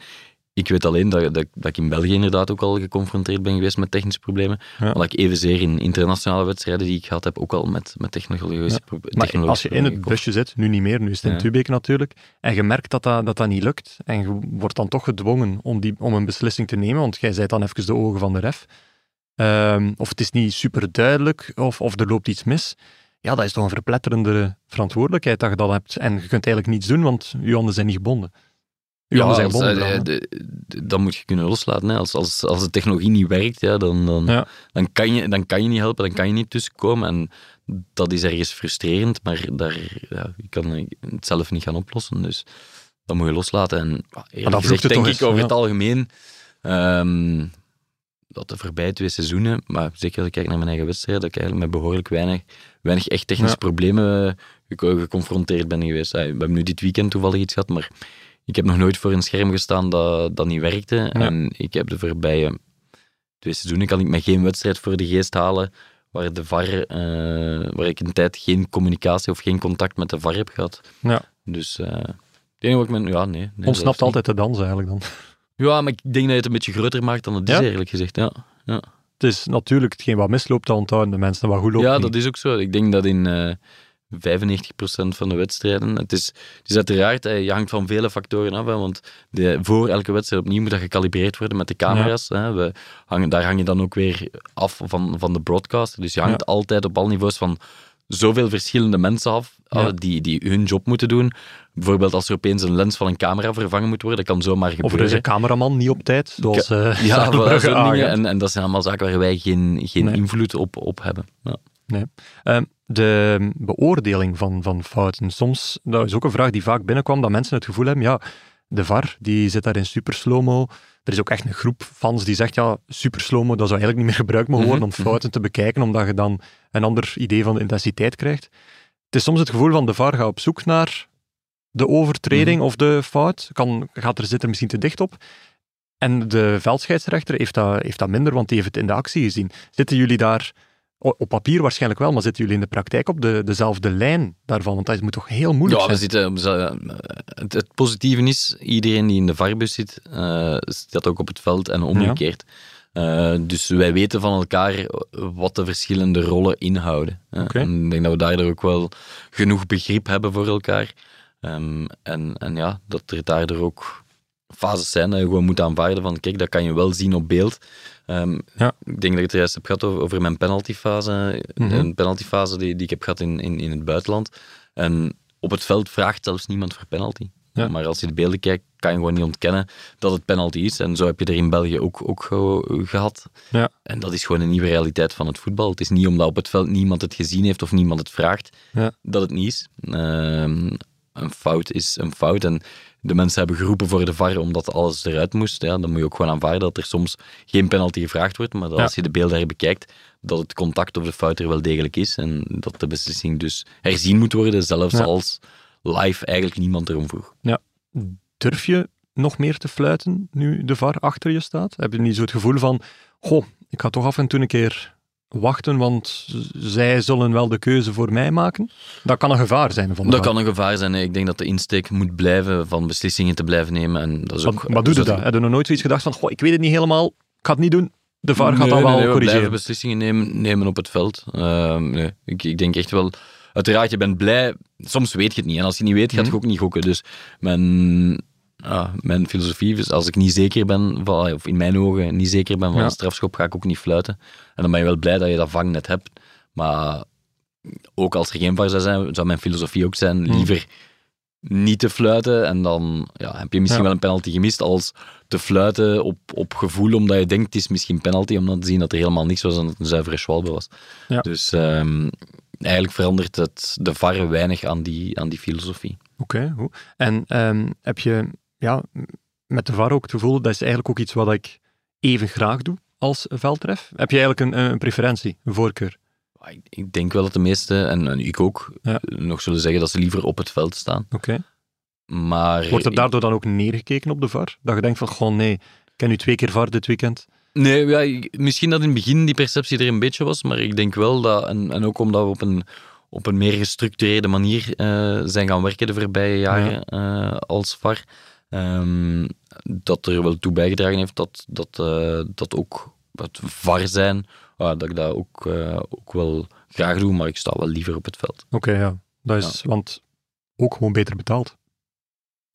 Ja, dat klopt, maar dat is, niet, dat is nu niet de reden waarom ik zeg dat ik liever op het veld sta. Nee. Dat is gewoon, ja, nee, dat is, dat is wel heel, heel iets anders. hè. Je zit in een wedstrijd, in Ja. een stadion. Eh, het is heel iets anders als, als gewoon ja, beelden te, te, te beoordelen. En we hebben een fantastisch centrum in Tubize, maar Ja. ik sta toch liever eh, in het midden van de actie als dat ik eh, achter de schermen Ja, het ziet er ook zo altijd zo'n beetje geforceerd uit, want de VAR moet dan ook een, een, een truitje dragen. En dan denk ik zo van, oké, het idee van, van eenheid, maar dan denk ik, ja, het is, Ja, het is zo je, raar. je moet wel ergens, want ik weet helemaal in het begin van de VAR zat... eh, Volledig de- in het tenue, denk ik, hè? Nee, nee, nee, helemaal in het begin Nee. was zelfs de, de ene met een hemdje en een pul. En dat Ah, ja, vind ik nog. Dus voor mij zou het even goed zijn als we daar in, in, in trainingspak zitten. Of, eh, Maar gewoon in, in jeans, pul en hemd is het ook niet. Eh, Ja. Dus ja, het is nu in, in outfit. Bij UEFA is het bijvoorbeeld in, in, in trainingspak eh, Ja. van UEFA. Ja, ik lig er niet echt wakker van, eerlijk gezegd. Maar ik snap wel dat er een beetje uniformiteit moet zijn. Dus Ja. zeker de, de twee of de drie mensen in, in, in, in de VOR, hè, in de Video Operation Room, dat die hetzelfde moeten aan hebben. Of dat dat nu een trainingspak is van eh, de sponsor of het truitje. Ja. Wat, wat voor eh, feedback geeft ehm, de nieuwe VAR-manager, Christophe Dierik, ex-scheidsrechter? Wat geeft hij dan eigenlijk? Want ik kan me daar zo moeilijk iets op vastpinnen van... Je, je hebt goed gevard vandaag, maar dat is, Ja, maar de, eh, het zijn puur de regels volgen uiteindelijk. Hè? Ja, tuurlijk, maar Freddy Fortrell, die ook nog steeds actief is als... Ah, Oké, ah, ik wij dacht zijn met twee, hè, dus je hebt, je hebt Freddy Fortrell en, eh, en Christophe Dirk. En wat doet Freddy Fortrell dan nog? Ja, ze hebben, ja, hij is VAR-manager en ehm, Christophe is VAR-instructor. Christophe staat eigenlijk vooral in voor, voor de opleiding van de, van de nieuwe... Ja. maar vooral in voor de dagdagelijkse opvolging eigenlijk. En voor de opleiding van, van nieuwe VARs. En in Tubeke wisselen zij zich elk weekend om de week af. eh, normaal gezien. Dus de- bij elke, elke matchday, in elke, elke speeldag in Tubies, is er één van hun twee aanwezig. En zij volgen dan ook de wedstrijden. En geven dan feedback ook over Ja. ja. manier van, van, van werken, volgen van het protocol. Want ja, VAR is ook teamwork. Hè, want Ja. je zit met, met een operator, je zit met een AVAR langs de, de andere kant. Je moet ook zorgen dat dat gestroomlijnd gebeurt. Want als jij iets aan het checken bent, moet de AVAR live overnemen. Dus er moet Mhm. ook... er komt... Net als op het veld komt er ook Ja. in, in, in, eh, in Tubize als VAR veel meer bij kijken als wat de mensen denken. Het is niet dat wij gewoon achteruit leunen en kijken en zeggen, oh, we gaan een keer tussenkomen. Ja. Nee, je bent eigenlijk constant aan, het- aan het kijken, aan het herbekijken en de rol, de rol aan het verdelen tussen jou en de, de AVAR en, en de operator. Dus Ja. dat is eigenlijk wel... Je bent eigenlijk constant bezig. Ja. Is het eigenlijk even leuk om te doen als veldref zijn? Ja, ik heb al gezegd, ik sta liever op het veld, dus ja. Dan is het antwoord daar logischerwijs Ja, ook nee op. Hè. Het is zo moeilijk om gewoon minder leuk te antwoorden, precies. Ah, nee, ja, ja. ja het, is, het is minder leuk, maar ik eh ja, me zeker niet horen zeggen dat ik het niet leuk vond. Nee. Ik, vind, ik vind het ook... eh, ik heb het zeker meer, en dat is ook omdat, omdat je het meer doet en omdat je Ja. meer vertrouwen hebt in, in de manier van werken en de manier van doen, ehm, dat ik het zeker liever doe als in het begin. Ja. Ja, het respect van de bazen dan, of van de instantie na de VAR toe, is die op eenzelfde niveau, denkt je dan, dan van, de veld, eh, van de veldtreffen? Want bijvoorbeeld, ik heb het financieel al aangekaart. Mhm, Eh, bij de VAR in België is dat ongeveer een, eh, een vierde van wat dat hij normaal zou verdienen, een vierde tot een vijfde. Mhm. In andere Europese landen zijn er waarbij dat al 1 tot 2 verhoudt. Dat toont al wat meer aan. Ook de VAR moet nadien de match nog een keer volledig eh, herbekijken. Die moet een zogenaamde IRF invullen, waar dat hij alle fasen nog eens erin moet steken. Eh, en dan denk ik van, ja, Ja, de match volledig bekijken na de wedstrijd klopt niet. Want die Ah, nee. IRF, dat, dat wordt eigenlijk door de AVAR genoteerd tijdens de wedstrijd. En de cruciale fases overloop je dan nog wel eens Ja. na de wedstrijd. het klinkt zo'n Ehm, beetje als de, nu, het- het de financiële- secretaris die het even doet, op- op terwijl de veldref eh, de, de belangrijke dat, dat is deel doet. van die, die, die rolverdeling. Hè. Je moet Ja. gewoon eigenlijk snel de minuut en, en, en type fase. En dan inderdaad na de wedstrijd herbekijken we dat en noteren we dat in een verslag. Ehm, Maar dat is toch maar- veel extra, veel paparassenwerk? Ja, maar als, als scheidsrechter maken wij ook nog een zelfevaluatie Ja. na elke wedstrijd. Dus daar komt ook na de Dat is ook niet afluiten en klaar. Hè. Dus Nee. er wordt ook verwacht dat je wedstrijd herbekijkt en een self-assessment van, van, van de Het wordt wedstrijd verwacht maakt. dat je de wedstrijd herbekijkt. En doet iedereen dat dan echt? Eh, Ik weet niet of dat iedereen dat doet. Daar kan ik me niet over uitspreken. Maar eh, ik herbekijk eh, mijn, mijn wedstrijden wel. Ja. Ja. Ehm, maar om terug te komen op, op respect. Over financiële ga ik hier niet uitweiden. Ja. Dat heeft ook, ook geen zin. Maar ik denk wel dat eh, het belang van de VAR. ehm, dat, dat, dat, eh, ja, dat de bazen of het management zich daar wel van bewust Ja. is. En, en ja, het is ook gewoon, de VAR heeft ook gewoon een belangrijke taak in, Ja. in het hedendaags voetbal. Ja.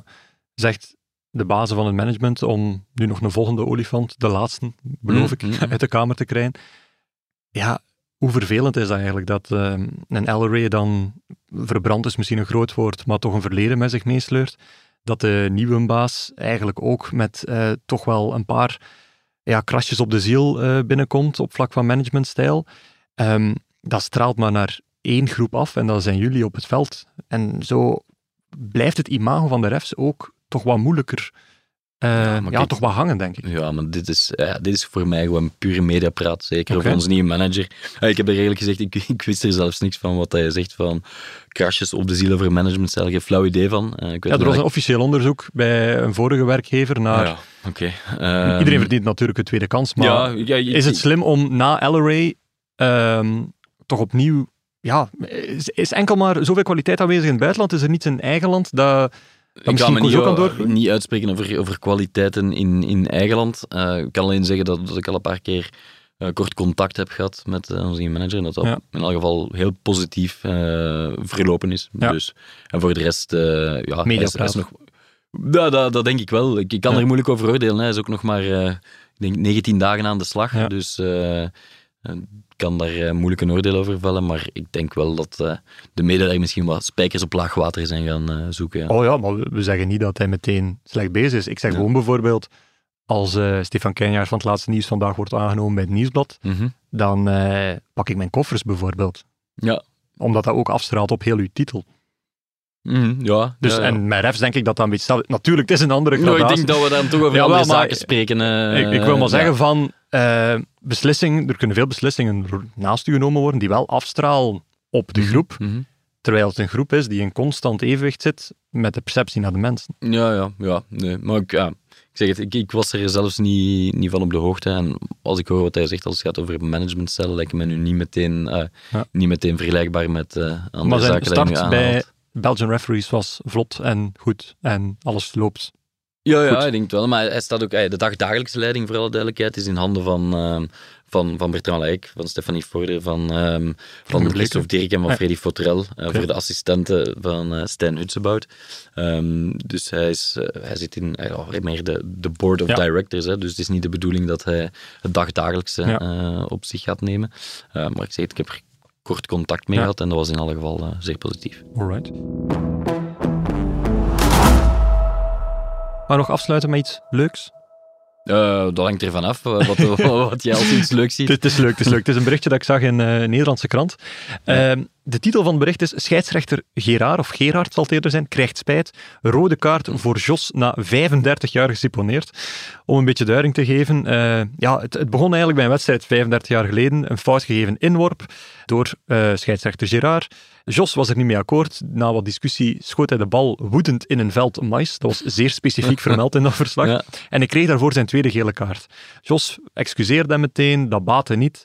Het was trouwens zijn enige en eerste rode kaart in zijn carrière en hij vo- voetbalde toen al twintig jaar.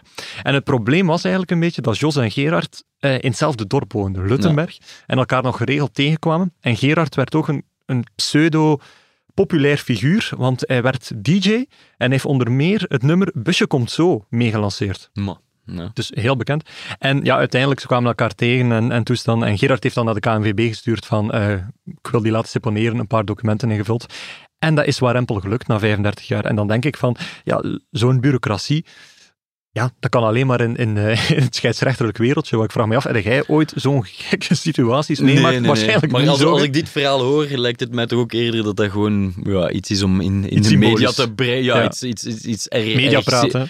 ja, media praten of inderdaad gewoon erg symbolisch. En eh, als ik het zo hoor over het maisveld, denk ik nu ook niet dat het de wedstrijd op het allerhoogste niveau Eh, eh, geweest als ik het dorp Luttenberg hoor, dan... Ja, voilà, ik heb er nog nooit van gehoord. Dus ik denk dat het eerder iets symbolisch inderdaad om eh, de plooien tussen, eh, hoe heet ze, Gerard en, Gerard en Jos. en Gerard en Jos eh, definitief weer glad te strijken. Ja. Dus eh, het is een mooi verhaal. Ja, Ja, Daarom wel- deel ik het, maar- Wat daarom deel ik het. Ja, voilà, voilà, voilà. Maar ik, ik moet eerlijk zeggen, ik had er ook al iets van gelezen. Ah, oké. ja. Ja, Ik, ik heb het niet exclusief kunnen vertellen in de podcast, sorry daarvoor. Nee, ja, het is, het is oké. Ehm lijkt me dat administratief kantje bijvoorbeeld.